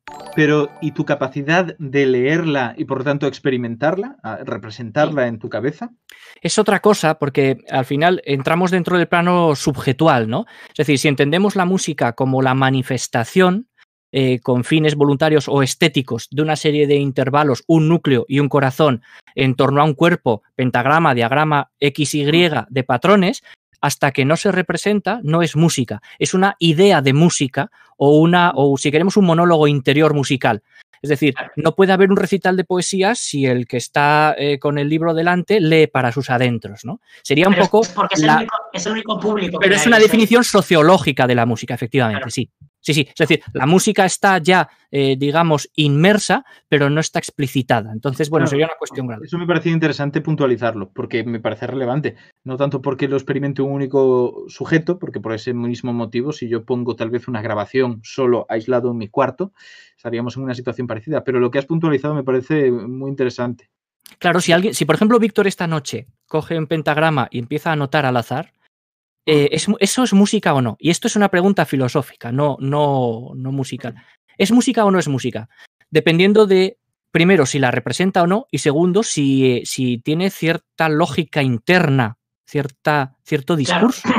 Esa es la pregunta que tú te haces como filósofo. Ahora te diré la que me hago yo como artista. ¿Por qué Muy razón bien. tengo que escribirlas? Quiero demostrarte algo, ya es música. Aunque sea al azar, yo tengo una función. En el momento que yo me siento y le pongo un título Sí. sin mi nombre y digo, ¿qué quiero representar yo? Mira, eh, Ignacio lo sabe, la- una de las últimas obras que escribí es una basada en el teorema de Gödel. ¡Ay, qué En bueno! En, la, Hmm. en la indemostrabilidad, en, en- en melodías que siempre fluctúan y no llegan a cabo porque... La indecibilidad, ¿no? Sí, sí. Claro, claro. Entonces, eh, ¿por qué hago yo eso? Porque me motivé mucho cuando leí Gödel Scherbach y pensé Oh, en mi gran cabeza libro. pude vislumbrar, claro, pude vislumbrar una interpretación musical, que evidentemente el que, lo- el que la escuche no va a pensar en eso, pero me ayuda a mí a mi discurso. Entonces, yo surge en mí una necesidad de querer contar algo, aunque luego no me entiendan, pero yo necesito plasmar mi visión de eso. Si tú me pides que escriba algo aleatorio, que luego habríamos que ver si soy, si soy capaz, un humano, de hacer algo aleatorio, Claro, tendrías que ayudar, podrías ayudar de ahí, sí. Claro, Pero entonces, serían siempre pseudo aleatorios. En fin. Sí, Claro, pero es que yo estoy influenciado, porque tú me dices, Víctor, escribe algo aleatorio. Yo ya no voy a poder, porque intentando forzar la aleatoriedad, estoy in- ya- al negar el objeto, o sea, la- eh, al quitar la forma, el fondo ya es objeto. Claro, claro, pues, pues esto, ya, esto ya da muchas pistas sobre tu propia concepción de música, efectivamente. Claro. Es una teoría innatista. Hmm. Perfecto, pues eh, la verdad es que nos hemos metido muchísimos berenjenales. Decía Luis Ya, que hacía falta hablar de, de algunos conceptos más relacionados tal vez con, con neuro para hablar de algo que sonara escéptico, pero es que hemos estado aplicando pensamiento crítico todo el tiempo, hemos Todo estado el rato. dudando sobre esa naturaleza de la música, en parte porque, bueno, pues ahora mismo parece ser que todo es relativo, todo vale, cualquier definición es igual de correcta y nos quedamos con que como es subjetivo no hay que definir nada. Y eso es un gran error, eso está coartando totalmente la capacidad de desarrollar un conocimiento sobre el tema y entenderlo Claro. en mayor profundidad. Y claro, eso es uno de los grandes fallos, y aprovecho para decirlo aquí, de muchas asociaciones relacionadas con el pensamiento crítico, que a pesar de plantearse o mostrarse como asociaciones para incentivar ese pensamiento crítico, más allá de si es científico o no, se limitan únicamente a eso, a la parte científica, no necesariamente a ideologías que sabes que van absolutamente en contra de la evidencia con algunos de sus planteamientos, o al arte, que el arte tiene una carencia de pensamiento crítico importante por ahí adelante. Totalmente. Y la idea de música, tal y como se expresa mundanamente, uno escucha la radio y, en fin, esto es música, esto, es, esto no es música. Bueno, se dice con una ligereza a Víctor que es músico, además de físico y, y ya filósofo a la- de la música también, aficionado, ¿por qué no decirlo? Porque él está haciendo teoría sobre la música, por supuesto. Pues eh, le molestará muchísimo escuchar cómo de rápido se clasifica lo que es música y no, o lo que es buena y mala, simplemente a con, mí me- con A arreglo al a, un pre- decía. a un prejuicio. Sí. Por tanto, eh, el pensamiento crítico debe precisamente entrar a criticar, que criticar viene de ese verbo griego que es cribar, que es seleccionar, que es apartar el grano de la paja Claro. e intentar saber de qué estamos hablando cuando hablamos de música. Que de todos modos, Ignacio nos ha metido en un lío porque es mucho más difícil la idea de música, en mi opinión, como filósofo, que la de arquitectura o la de pintura. La de música es con, con mucho, es el, el- el- el meollo gordo. Pero bueno, nos Porque gusta es el más riesgo. abstracto. Gusta el riesgo. abstracto. Porque antes hablabais, arte más abstracto que hay. A- Antes hablabais de esa mm, conexión que podía sentir tal vez un compositor mientras estaba escribiendo la partitura, una conexión espiritual casi con algo mayor que él, que le estaba introduciendo las melodías en la cabeza. Eso es hasta cierto punto natural porque estás trabajando con una materia muy abstracta y muy elevada, donde existen unas reglas, unas normas que tienes que seguir y a pesar de eso una falta de, de capacidad de, de- de tocar lo que estás cre- creando muy importante.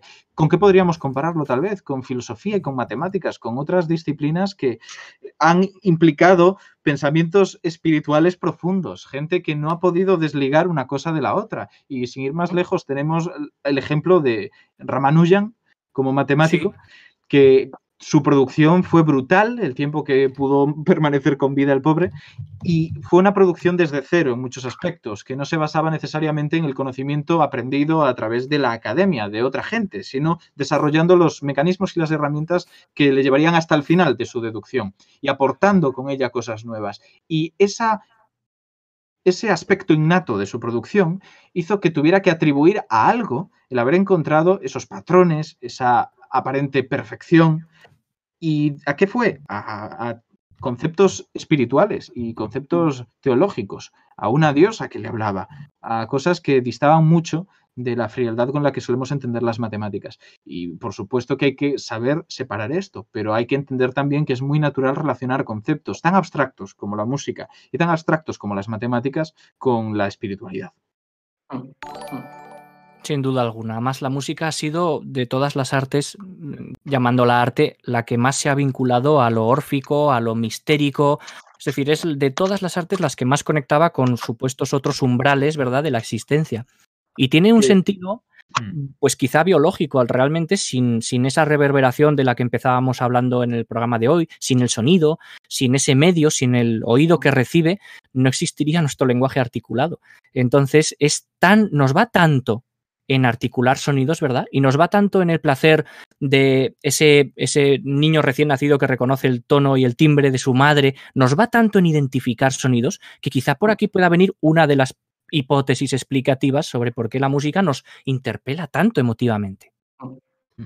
Es que eh, eh, yo creo que es en su abstracción donde está su encanto, porque como tú has dicho, la pintura, eh, por muy abstracta que se haya vuelto en el siglo XX, tiene una funcionalidad que ha durado antes siglos, que es representar una parte de la realidad, un paisaje, era la fotografía antigua. La arquitectura, evidentemente, tiene una función primaria que no puedes descartar, pero la música siempre ha sido abstracta me hace mucha gracia porque el, periodo impresionista de la música se copia del de la pintura, pero es que la música siempre ha sido impresionista, siempre buscaba crear impresiones. Siempre hay, hay una lógica detrás. La música tonal desde el siglo XVII-XVII hasta el XIX, tiene, como decía Ignacio, tiene unas normas que ojo con salirte de ellas. Claro. O sea, si te sales no sonaba música nuestra. Claro. Y aún está, está machacado lo que, lo que se llama la tonalidad, las, las funciones tonales. Hay unos acordes que una vez pones uno, el oído te pide que venga otro. Y tienes que, ponerlo. Pero también de eso, hemos pasado, de eso hemos pasado en algunos aspectos a una permisividad excesiva, donde se ha considerado música cosas que a mi parecer eran realmente simplistas. Y no digo que no tengan que considerarse así, sino que se han considerado de forma muy acrítica, muy por defecto, por el hecho de que todo vale. Es, un sistema, es es un sistema axiomático que ha funcionado durante siglos hasta que la gente se ha cansado de él y, es, y han buscado negar esas funciones. Y, como, y, como dice el tema de Gödel, han aparecido nuevos axiomas que niegan los otros, pero siguen funcionando y siguen creando arte. Como el quinto postulado de Euclides, ¿no? La geometría sigue funcionando, lo que pasa que es otra. La pregunta es, ¿cuántos axiomas puedes mantener para que siga siendo música y no una tomadura de pelo? Ese es el tema. fundamental. Eh, pero fíjate que estás diciendo que de alguna manera, por mucho que amplíes, tienes que mantener un número de axiomas determinados. No es la negación absoluta de los mismos. Y dicen por aquí que, bueno, preguntan si existe música amparte. Amparte es el concepto que se ha popularizado recientemente por, eh, ¿cómo se llama?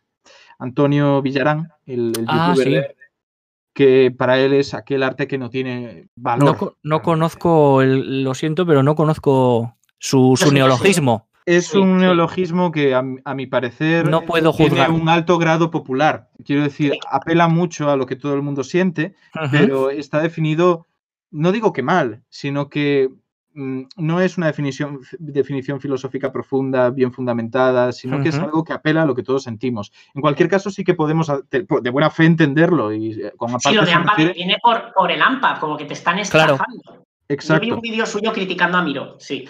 A ver, él da sus argumentos. Yo, claro, es que también, como él es, él es de Bellas Artes, yo tampoco quiero. Soy muy cauto con lo que digo y ya tengo cuidado con lo que digo en música, como para extrapolarlo a toda arte que no sé, que se parece pues sí, en, cómo ha discurrido por el mundo, pero no me atrevería a juzgar ese, el neologismo ni, la palabra. No juzgo, simplemente digo que no ha tenido, no es una palabra que tenga su fundamento filosófico fuerte detrás, que diga esto está bien definido, es consistente. O sea, que no es un concepto claro y distinto, que es lo que Eh, necesitamos. No necesariamente. Es, Aunque es más oscuro, concepto- ¿no? Es un concepto popular.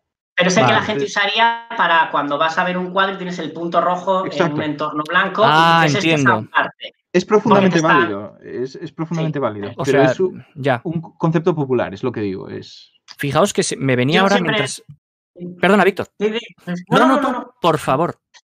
Vale, gracias. No, iba a hablar de, volviendo a John Cage, eh, creo Sí. que, que para estudiar una obra, a lo mejor me equivoco, ¿eh? y a lo mejor como las obras de Beethoven funcionan, sí que te las expliquen, pero creo que a partir de cierto nivel necesitamos ver el contexto y la evolución, no del autor, sino de la historia. Y os pongo como ejemplo la de 433 de John Cage. Y esta es mi interpretación, ¿eh? esto no se lo he leído a nadie. Eh, yo pienso en el, en el barroco, eh, en lo recargado, en el, en el horror vacui, el miedo a que quede hueco de algo, que en música se traducía en siempre hay notas sonando, siempre hay un motor, siempre está cualquier obra de Bach, ves que sea, no hay ningún hueco. Y si una en este un hueco es momento- porque- Aparecen Recargadas. polifonías y una serie de características que tienen que ver con eso, llenar todo. ¿Qué pasa cuando vas llegando hacia el clasicismo? Que empieza a haber parones, empieza a haber respiraciones, empieza a haber silencios. Para mí, y a lo mejor John Cage no pensó en eso, pero esta es la interpretación que yo hago y que me vale para entender, dijo, si en un extremo está la música llena absolutamente de sonidos, ¿no debería haber una obra que fuera lo contrario? Ahora solo una, ya está. La hizo él, está ahí para hacernos reflexionar y se acabó. Claro, es un ejercicio. Sí, sí, sí. Es un ejercicio artístico. Entonces, ¿qué es ese punto blanco sobre fondo blanco? La negación del horror vacui de la pintura. Al genio que se le ocurrió, porque me parece una genialidad. Porque dice, eso lo hago yo. No. Esto es como lo de huevo de Colón. Eso lo haces tú cuando ya lo has visto hacer a otro. Este es El el, problema punto del arte. Claro. Claro, la repetición, la reiteración innecesaria, ¿no? Claro. Eso sería el problema. Es que aquí entramos de, de lleno en, en otra, en otro área que es la teoría del arte. Y cuando hablamos de la, de la abstracción del arte, ¿verdad? Empezamos a dar importancia a los discursos, sobre todo desde, desde mayo del 68, que es una fecha que se suele fijar siempre como, bueno, pues muy rica en contrarrevolución cultural y demás. Y Andy Warhol, y ahí empieza a haber un movimiento en el que se van desconfigurando los contextos formales, ¿verdad? En cine es anterior, en música es muy distinto, como, como decía Víctor, pero claro, eh, las, las definiciones se van desdibujando siempre que uno se salga de las categorías. Hablaba ahora Víctor de la complejidad que requieren escuchar algún tipo de, de, bueno, de género musical y dentro de cada género de su estilo. Y otra reflexión interesante puede ser cómo de, de impopular es a veces la música culta. Yo no soy partidario, soy muy aficionado a la música sacra, por ejemplo, siendo ateo, a la polifonía religiosa, ahora que habláis de la polifonía. Es algo que me gusta mucho, eh, no sé por qué. Pero el caso es que. Está muy bien hecha, Luis, porque está muy bien hecha independientemente de la motivación del compositor. Pues fíjate, pues ahí me das una clave. Es decir, ¿por qué no es tan popular la música eh, que llamamos comúnmente clásica, la música culta, música clásica, neoclásica, barroca? Pues quizá porque requiere un entrenamiento previo. Es decir, siempre, mmm, sin querer desprestigiar la música popular, si yo me escondo en un garaje, ¿verdad?, con un par de amigos y empiezo a toquetear la guitarra y tal, puedo hacer una canción eh, que va a ser considerada música por el entorno sociocultural en el que yo me desenvuelvo, puede incluso llegar a emitirse en una pequeña radio local si es que tenemos suerte. Pero ¿por qué yo no puedo, sin conocimientos de música, y esta es una pregunta especialmente dirigida a Víctor, ¿por qué yo no puedo componer eh, una, una, una, sinfonía sin conocimientos musicales? ¿O crees tú que sí puedo hacerlo? Es decir, por la misma razón que no puedes entender la matemática de un agujero negro si no has aprendido a hacer ecuaciones de primer grado primero. Porque Exacto. es un lenguaje que tienes que ir elaborando. Y porque se disfruta más. Tú puedes explicar en divulgación el agujero negro y la gente lo disfruta porque entiende algo que sabe que es de cierto nivel intelectual. Pero luego está el disfrute de decir, no, no, es que tenemos una herramienta que entiende cómo se distorsiona el espacio-tiempo. Y ese claro. siguiente disfrute es el que te da la técnica y el conocimiento claro. de la. Esto, es que esto nos pasa. Y eso, claro, tienes que currártelo. Es que al final dices, no puedes disfrutar sin un esfuerzo. Claro, yo siempre digo. Yo siempre digo que no hay tanto, eh, eso es, música buena o mala en el sentido absoluto. Por supuesto, hay ejecución pésima de técnica musical. Penosa. Por supuesto. Pero, pero todos conocemos ejemplos desastrosos, ¿verdad? O, o voces sí. que, que, parecen salidas del averno. Pero eh, Ignacio estará de acuerdo conmigo que él es, me consta muy aficionado a la ópera. Cuando uno se va introduciendo ciertos géneros y estilos, tiene que educar el oído, que siempre se nos decía hay que educar el oído. En realidad, educar el oído es educar el cerebro. Se, se trata de ir eh, mm, contribuyendo con pequeños peldaños de conocimiento hacia la formación de estructuras que permitan analizar. Es muy fácil analizar el arte figurativo, pero es más difícil analizar el arte abstracto si uno, no, si uno carece de esos presupuestos culturales, de esa intencionalidad, de ese discurso del que hablaba Víctor. La cosa el es. tema es el siguiente, que lo digo para, por si a la gente le queda cierta duda respecto a eso.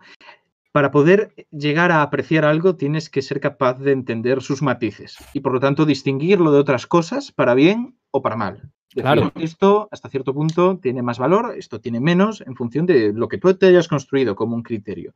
Pero para poder detectar esos pequeños matices tienes que haberte acostumbrado a ellos, tienes que haber generado un bagaje en tu cerebro suficientemente amplio como para encontrar patrones, encontrar la tendencia que existe. Si ahora yo te pongo tres imágenes de caras de cebras, te van a parecer todas idénticas. En cambio, las cebras son capaces de reconocerse unas a otras con una facilidad asombrosa, porque llevan toda la vida exponiéndose a ese estímulo complejo de rayas negras y blancas. En el arte pasa algo similar en cuanto a que podemos empezar por cosas muy básicas, muy simples, que están muy relacionadas con experiencias del día a día. Ritmos muy sencillos, melodías muy parecidas a lo que sería casi el acento de alguien cuando habla, cosas que son. Familiares para todos nosotros y que podemos, por lo tanto, opinar sobre ellas. Que son simples, técnicamente. Y que son familiares. Los compases más sencillos, los compases más sencillos son el de dos, que es tu paso, porque das- siempre das un paso más fuerte que el otro, y el tres es perfectamente el latido del corazón, que aunque parezca curioso es un compás de tres tiempos, porque dan los dos latidos y el silencio es pam, pam, pam, pam. Exacto. Y de ahí se cosa- cree que surge esa necesidad. Entonces es algo puede- natural, te es fácil para bailar, para moverte. Puede Es ser el así. único. Pero a medida que vas intentando descubrirlo, vas detectando otras cosas, otras tendencias, otros recursos, Claro. y a medida que aplicas recursos y recursos cada vez menos familiares, vas a basar parte del valor de esa obra que estás haciendo en cosas que la gente no va necesariamente a saber interpretar hasta que se acostumbre mucho a ello. Es los gustos adquiridos que Te- existen te- en todas la- las artes y todo eso. Podríamos decir en ese sentido que hay música más fácil y más difícil, tanto de cara a su construcción, ¿verdad? Formal, como de cara a su interpretación. Hay un comentario, si me permites, Ignacio, que me ha parecido muy interesante. Mm. Dice Wycliffe Crown, eh, discrepo, dice, el exceso de teoría en música muchas veces limita la composición. Aquí me tengo que callar, Víctor nos dirá cómo lo ve, pero añade, como no saber matemáticas formales. Yo aquí discrepo, pero mm, tendría que explicarlo. Dice, aún así, ser un genio en el campo, es decir, se puede ser un genio en el campo, como el caso de un matemático hindú, eh, creemos que sabemos a quién nos referimos, que no sabía formalmente, por eso, que no sabía formalmente de matemáticas, pero aún así demostró a su manera más de 100 teoremas. Bueno, eh, yo creo que Ignacio va a entender por dónde voy a discrepar. Es decir, no había estudiado en la universidad, efectivamente, y empezó por su cuenta a deducir, pero realmente sí sabía matemáticas. Es decir, es imposible empezar a escribir códigos al, al buen tuntún y dar con las resoluciones. Lo que pasa es que su manera de aproximarse a las matemáticas, que nunca se habla ni en los libros ni en las películas, de que muchísimas veces erró, como es natural Por supuesto. muchísimas veces erró, pero realmente lo que hacía era, con un talento genial absolutamente extraordinario, estaba infiriendo leyes matemáticas sin haber sido formado. Lo que a él le costaba en un plazo de tiempo sacar, pues el alumno en Harvard lo tiene en un día porque está perfectamente explicado y es. desgranado. Pero no es que no supiese, no pensemos, no sabía matemáticas y fue un genio, no sabía componer y creó la gran área. Bueno, mira, no, es que no es así. Exacto, ¿no? Yo, yo lo puse como ejemplo con otros O sea, no era Además, no es exactamente lo con mismo esa que la intención. cree. Pero pasa una cosa muy Y importante. es lo mismo que- que la crees ahora, que tú puedes saber. Sí, sí. bueno, que decía que, No, eh, hay, Ignacio, sigue, sigue. vale, que hay aquí algo que me parece muy importante. Además, ha salido Pedro Daniel en el chat, que es matemático, y dice: ¿Alguien ha mencionado las matemáticas? Llevamos hablando de ellas más o menos to- todo el tiempo. Sin mencionarlas, pero están. ¿Qué ocurre aquí? Que es distinto eh, los fundamentos Claro. teóricos de la música y los fundamentos teóricos de las matemáticas. Que Ramanujan fuera capaz de desarrollar teorías válidas y supuestos correctos, eso es porque sabía qué cosas no tenía que contradecir, sabía qué cosas tenía Correcto. que observar. Unos Pero por- fundamentos muy básicos. Pero porque los, los principios lógicos se pueden ir Los deduciendo. Como el esclavo, el esclavo del libro de Menón en Platón es capaz de calcular superficies sin tener ni idea de álgebra ni de, ni de aritmética. Claro, pero porque hay distintas formas en las que puedes llegar a esas conclusiones y desarrollar lo- los- las herramientas pero en base a unos axiomas que sí que son comunes, muy sencillos y que sí que sabía, necesariamente lo sabía, porque los damos prácticamente todos en el colegio. A partir de ahí es intentar desarrollar trabajos coherentes. Lo, lo- consigo lo cual no, no resta genialidad, sino todo Ni lo contrario. menos. De hecho, ahí está el otro punto, que siempre ponemos este ejemplo Sí, sí, porque sí. a pesar de no ser el único, fue una gran excepción. Lo normal no es que alguien sin conocimientos No. suficientemente sólidos de un campo sea capaz de desarrollar un trabajo así. En absoluto. Pero por el tema, le, le habíamos preguntado a Víctor y tampoco se- hay. y, se, nos ha quedado sin, sin responder. Eh, seguro que Víctor, a Víctor le da mucha rabia, lo comentábamos un poquito antes fuera, fuera de cámaras. Lo de entender, a mí me da rabia en general cuando se habla de inteligencia humana, que es un campo que me apasiona y que comparto pasión con mi Ignacio.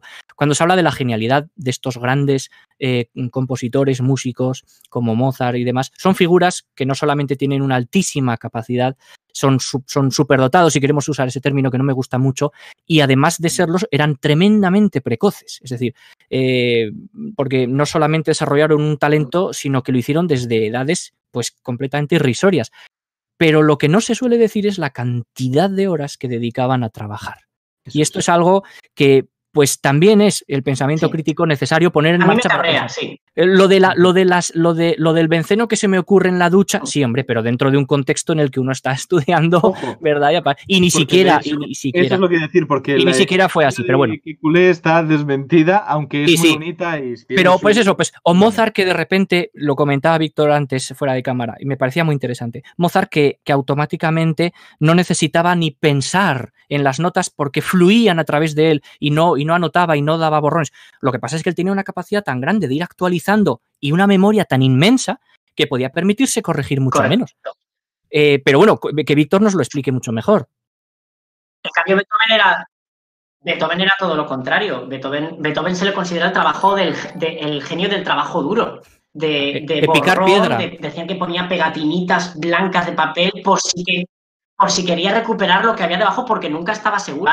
Partituras al editor y mandar una carta diciendo, por favor, cambie estas dos notas o la obra no funciona. Fíjate, De cambios y cambios. fíjate, Entonces, increíble. Eh, habría que contextualizar lo que es un genio y también hablamos de genios a lo mejor ahora, habría que ver cómo los catalogaban en su época, Claro. porque fuera desde, desde ya en la habilidad en la que se han convertido como Bach.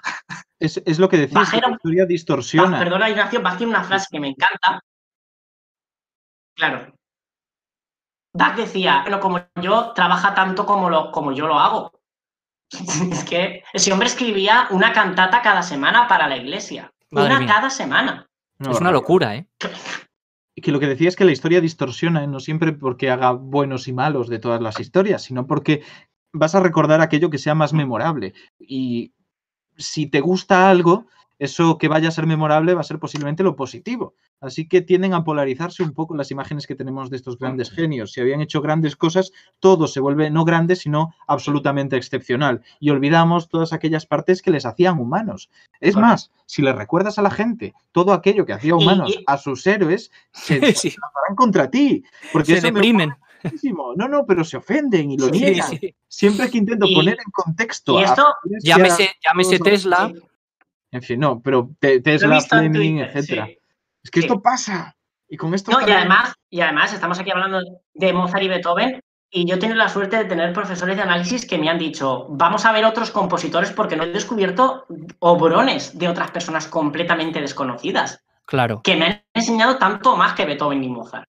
claro. Es el problema del canon, Entonces, ¿verdad? Eh, yo lo que, lo, que, lo que pasa que, claro, estos grandes genios como Beethoven es porque fue un revolucionario. Yo, y a decir, recomiendo a todos y a los del chat que veáis el documental de la BBC Heroica, Mm, porque hablando de lo que decía Luis de Tomo que en nota. el siglo XX hay que aprender a escuchar. Eso ha pasado siempre. Hay un gran momento en, la pe- en el documental que se presenta la que se considera la obra musical, que es la heroica, que ya tiene un título y quiere contar una historia de un héroe y Beethoven está expresando emociones. Hay un militar que dice, no entiendo nada, la música o se reza o se baila. No entendía que esa música fuera solo para escuchar. Sí, de hecho lo han comentado en el 104, chat antes. Está aquí al lado, ¿eh? la frase. Fíjate, sí, sí, hace nada. Ay, perdón, es que lo tengo aquí, no lo he visto. No te preocupes, creo que fue Vale, José Ramón vale, 1900. Genial. Sí, sí, pero totalmente de acuerdo. Creo que tenemos que ir cerrando por mucho que nosotros nos guste, nos Esto gustaría sería seguir eterno. aquí. Exacto. Así que podemos dejarlo con una última reflexión, que sé que no será del todo corta, pero así también Besu se podrá retirar porque la pobre nos está streameando, recordémoslo. Claro, y encima hemos cumplido con lo que mm, sabíamos que no íbamos a cumplir, que es mm, no dar la definición de música, que es imposible, pero bueno, ba- bailar alrededor de ella. Pero yo creo que sí que hemos comentado bastantes cosas que me parecen relevantes y que no se suelen hablar y hasta cierto punto pertenecen también a la divulgación de la ciencia. No solo la Sí, divulgación sí. musical, sino la divulgación de la ciencia. Creo que podemos acabar, si queréis, con, pues no sé, intentar responder dos, tres preguntas que tenga la gente del chat para darles un poquito más de papel. Porque hemos intentado, en Sí, la sí. medida de lo posible, interrumpirnos sí. y llevaros a la conversación, pero hay veces que Sí. eh, tenéis que entender que hay que tener mucho valor para cortar a Víctor o a Luis cuando hablan porque están diciendo cosas de peso. No, por no, favor. no, pero yo, yo me, voy a, me voy a justificar con que era la primera vez, pero por favor, cuando en cualquier momento sí que yo tengo un problema, Sí, me, vale. me nublo con Pobre estas Víctor. cosas. Sí, sí, nos, apasionamos y nos entra visión túnel. Hmm, Exacto, pero no, pero te he cortado demasiado, Víctor. Así que dice que, bueno, No, las no, que preguntas- va. la, la primera pregunta a mí me parece muy pertinente también, pero por supuesto que va a tener un, un corte distinto a lo que hemos estado hablando. Y es que cuál es nuestro género favorito. Ah, Sabía que iba a caer. He estado a punto de preguntarle a Víctor sobre Ya. el reggaetón, Bueno. pero no me he atrevido. Bueno, ¿Empiezas pero, tú, Víctor? pero estamos hablando de música, ¿no? Ahí te puedo decir lo de la negación, lo que no es música.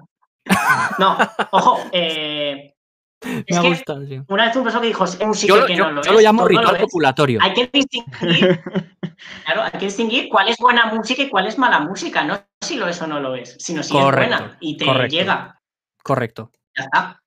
Buena y mala música, no hay nada más. O sea, que te parece mala, mójate. ¿Cuál es mi género? Ay, hay que contestar al final. Sí. Eh, eh, a ver, me parece, mira, antes has dado, ah, quería seguir con una, has usado, dices que no te gustaba el término de música culta, ¿no? Para referirte No, al revés, el de clásica. Tienes razón. Yo tengo, El que no me gusta vale, es el sí, de clásica. claro, para un músico clásica, Prefiero el de culta. claro, porque clásica es un periodo. Por eso, por eso, pues sí. A mí tampoco me gusta el de culta. Pues tengo una- un amigo que no es músico, pero a veces, a veces tienes que salir fuera de- del mundo para, para ver una visión distinta. Y me dijo, música elaborada. Ya está. Y dije, tiene razón, está más elaborada Bach que el reggaetón. Sí, Evidentemente, bueno. pues, si tenemos de que elegir, yo me quedo con que Bach. claro. Al final, culta, culta Vale. viene de ahí, ¿no? de- De, de- de cultivar la tierra, ¿no? De trabajar. Música sí, trabajada. De cultivar, de elaborar, sí, claro. Pero, claro, pero culto mucha gente Sí, lo puede le tomar quitas- como, le como quitas ese- amenaza, ¿no? Como, que se- Le quitas como- esa, porque esa no es para connotación elitista, ¿no? Hmm. Sí, sí, totalmente. Exacto, exacto. ¿Y en tu caso, Luis? A mí me gustan Eh, todos pero. Víctor no ha contestado, ¿no? o- Víctor, ha Víctor se ha hecho el sueco y ha dicho que el reggaetón no.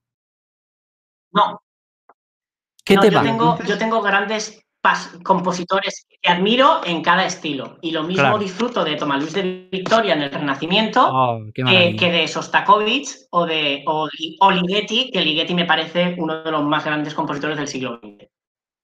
Y ya está, y así no ojo. Es que negar uno de los, decir que el tuyo es el mejor, pues es negar la, evo- No, la- claro. la evolución de la humanidad. Y decir Y que la Mozart es lo mejor es no haber evolucionado. Y es reconocer desconocimiento, pero... Yo sí, prefiero decir un autor, porque es que Claro, claro, no se pueden claro, decir, pero claro. por ejemplo, a mí me gustaría, y últimamente lo estoy escuchando más, me ha enamorado siempre, que es, que es Manuel de Falla. Eh, por distintos motivos, eh, bueno, pues me, me- me maravilla.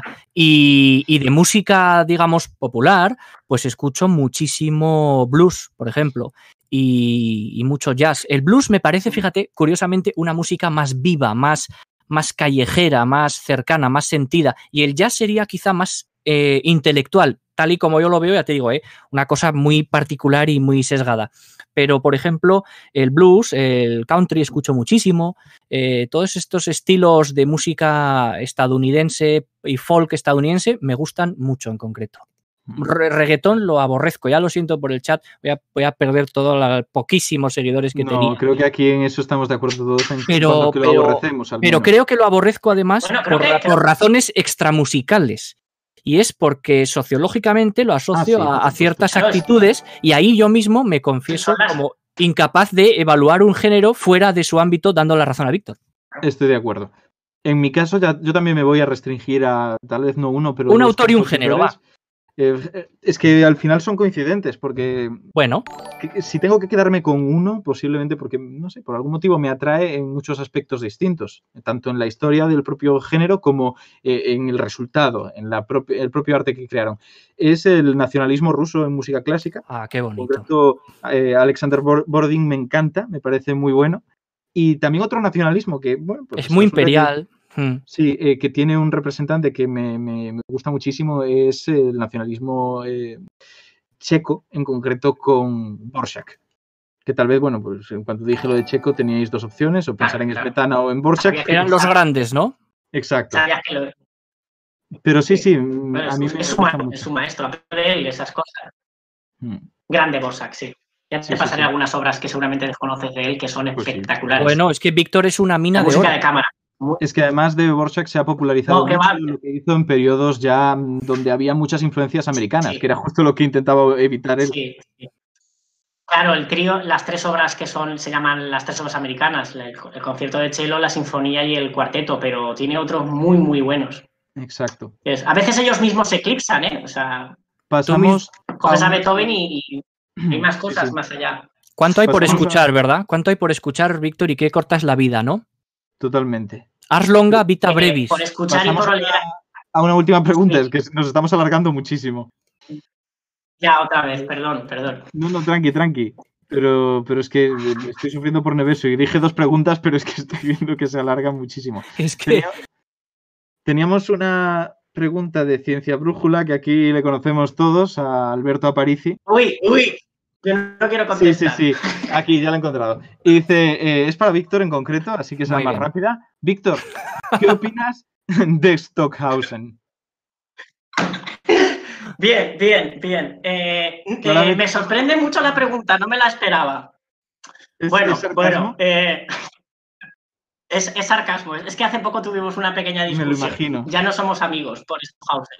Ah, Bien, eh, le voy a contestar public- le voy a contestar públicamente lo que ya Of- le conté ese- en ese chat privado. puedes ofenderle porque no, Eh, puede, opino- no puede hablar. Tengo que decir que escuché una obra en directo de Stockhausen y quise morirme porque no estaba en condiciones ni en el contexto, pero he sacado cosas de este tipo de compositores, saco ideas. Yo de todos cojo cosas y las hago mías y ya está. Y Robas. Stockhausen pienso que no ha cometido ningún delito contra la humanidad como piensa el señor que acaba de preguntarme. Vale. Es que en el chat había más gente. De Muy hecho, grande. José Ramón 1978 directamente lo calificaba como amparte. Por eso me parece un término complicado, porque es casi como un arma arrojadiza poco definida. Ya. Eh, eh, a ver, yo la entiendo, entiendo, la- entiendo el término. Creo que en autores como Stockhausen y toda esta gente, creo que, que hierra porque cuando estudias en profundidad ese tipo de música, ves que esta gente no hacía eso para tomarte el pelo, sino porque hacer una sinfonía les sobraba ya. No iban a hacerla mejor que Beethoven. Y tenían que hacer otras cosas. Yo me, me he cascado esas partituras ¿eh? y me las he analizado y empiezo a ver, he visto maravillas. Ahora, que son duras, Sí, este hombre tiene una obra que es una hora y pico de casi meditación, buscando palabras, modificándolas, mutando. Es duro de escuchar. Entiendo que se, le- que se diga esas cosas, ¿eh? Yo las compartí hasta hace un tiempo. Pero lo entiendo, entiendo entonces lo que decís. Me parece relevante. Pues creo que hasta aquí deberíamos cortar ya porque nos hemos excedido un cuarto de hora, si no 20 Sí. minutos, que es posible que llegue a los 20. Y nada, decir que muchísimas Vale, gracias a los que nos habéis acompañado. Parece ser que se ha ido la luz en casa de Luis, me lo acaba de decir por WhatsApp y por eso lo estamos viendo congelado. Así que, bueno, al menos ha sido en el momento indicado. Decir que muchas gracias a todos por haber estado, exacto, por haber aguantado aquí y que volveremos a la programación habitual el miércoles que viene. Pero ya que no estaba Crespo, pues yo quería meterme con otras cosas y hablar de algo que me parece muy relevante y que normalmente no se comenta. Mientras despedimos a Víctor y a, a Luis, aunque no esté presente, Nevesu, ¿podrías hacer la raid? Porque a mí me estaba dando error las últimas veces, que cuando lo intenté escribir me decía, no tienes permiso para hacer una raid a Mm, pesar de ser moderador. A Alex Ribeiro, por ejemplo, podríamos hacérsela. Sí, yo creo que sí, me han puesto el aviso de que estaba en directo. Y, y creo que podríais ir todos y poner Stockhausen me parece y lo que os parezca. Y ahí tenéis, Stockhausen es pues, maravilloso, es Amparte, es, es horror. Tenéis la Es opción de cambiarlo como queráis. Perfecto, pues va a empezar ya. Así que gracias por venir, gracias por suscribirse. Víctor, espero que te lo hayas pasado bien. Ha sido genial, me ha encantado. Me, me alegro. Un Pues placer. repetiremos en el futuro sobre más temas relacionados con música y Cuando tú matemáticas. quieras, Perfecto, pues Ignacio. nada. Muy bien. Gracias a todos. Un saludo y un abrazo. Nos vemos la semana que viene. hasta luego. Perfecto, ya estamos fuera. Ay, ala, ala, ala. Espera, espera, espera. eh. Madre mía. Pues, pues le iba a agregar, pero ahora mismo no me deja esto. A ver, a, a- ver, a ver qué tenéis preparado. Madre mía, qué, qué bestia.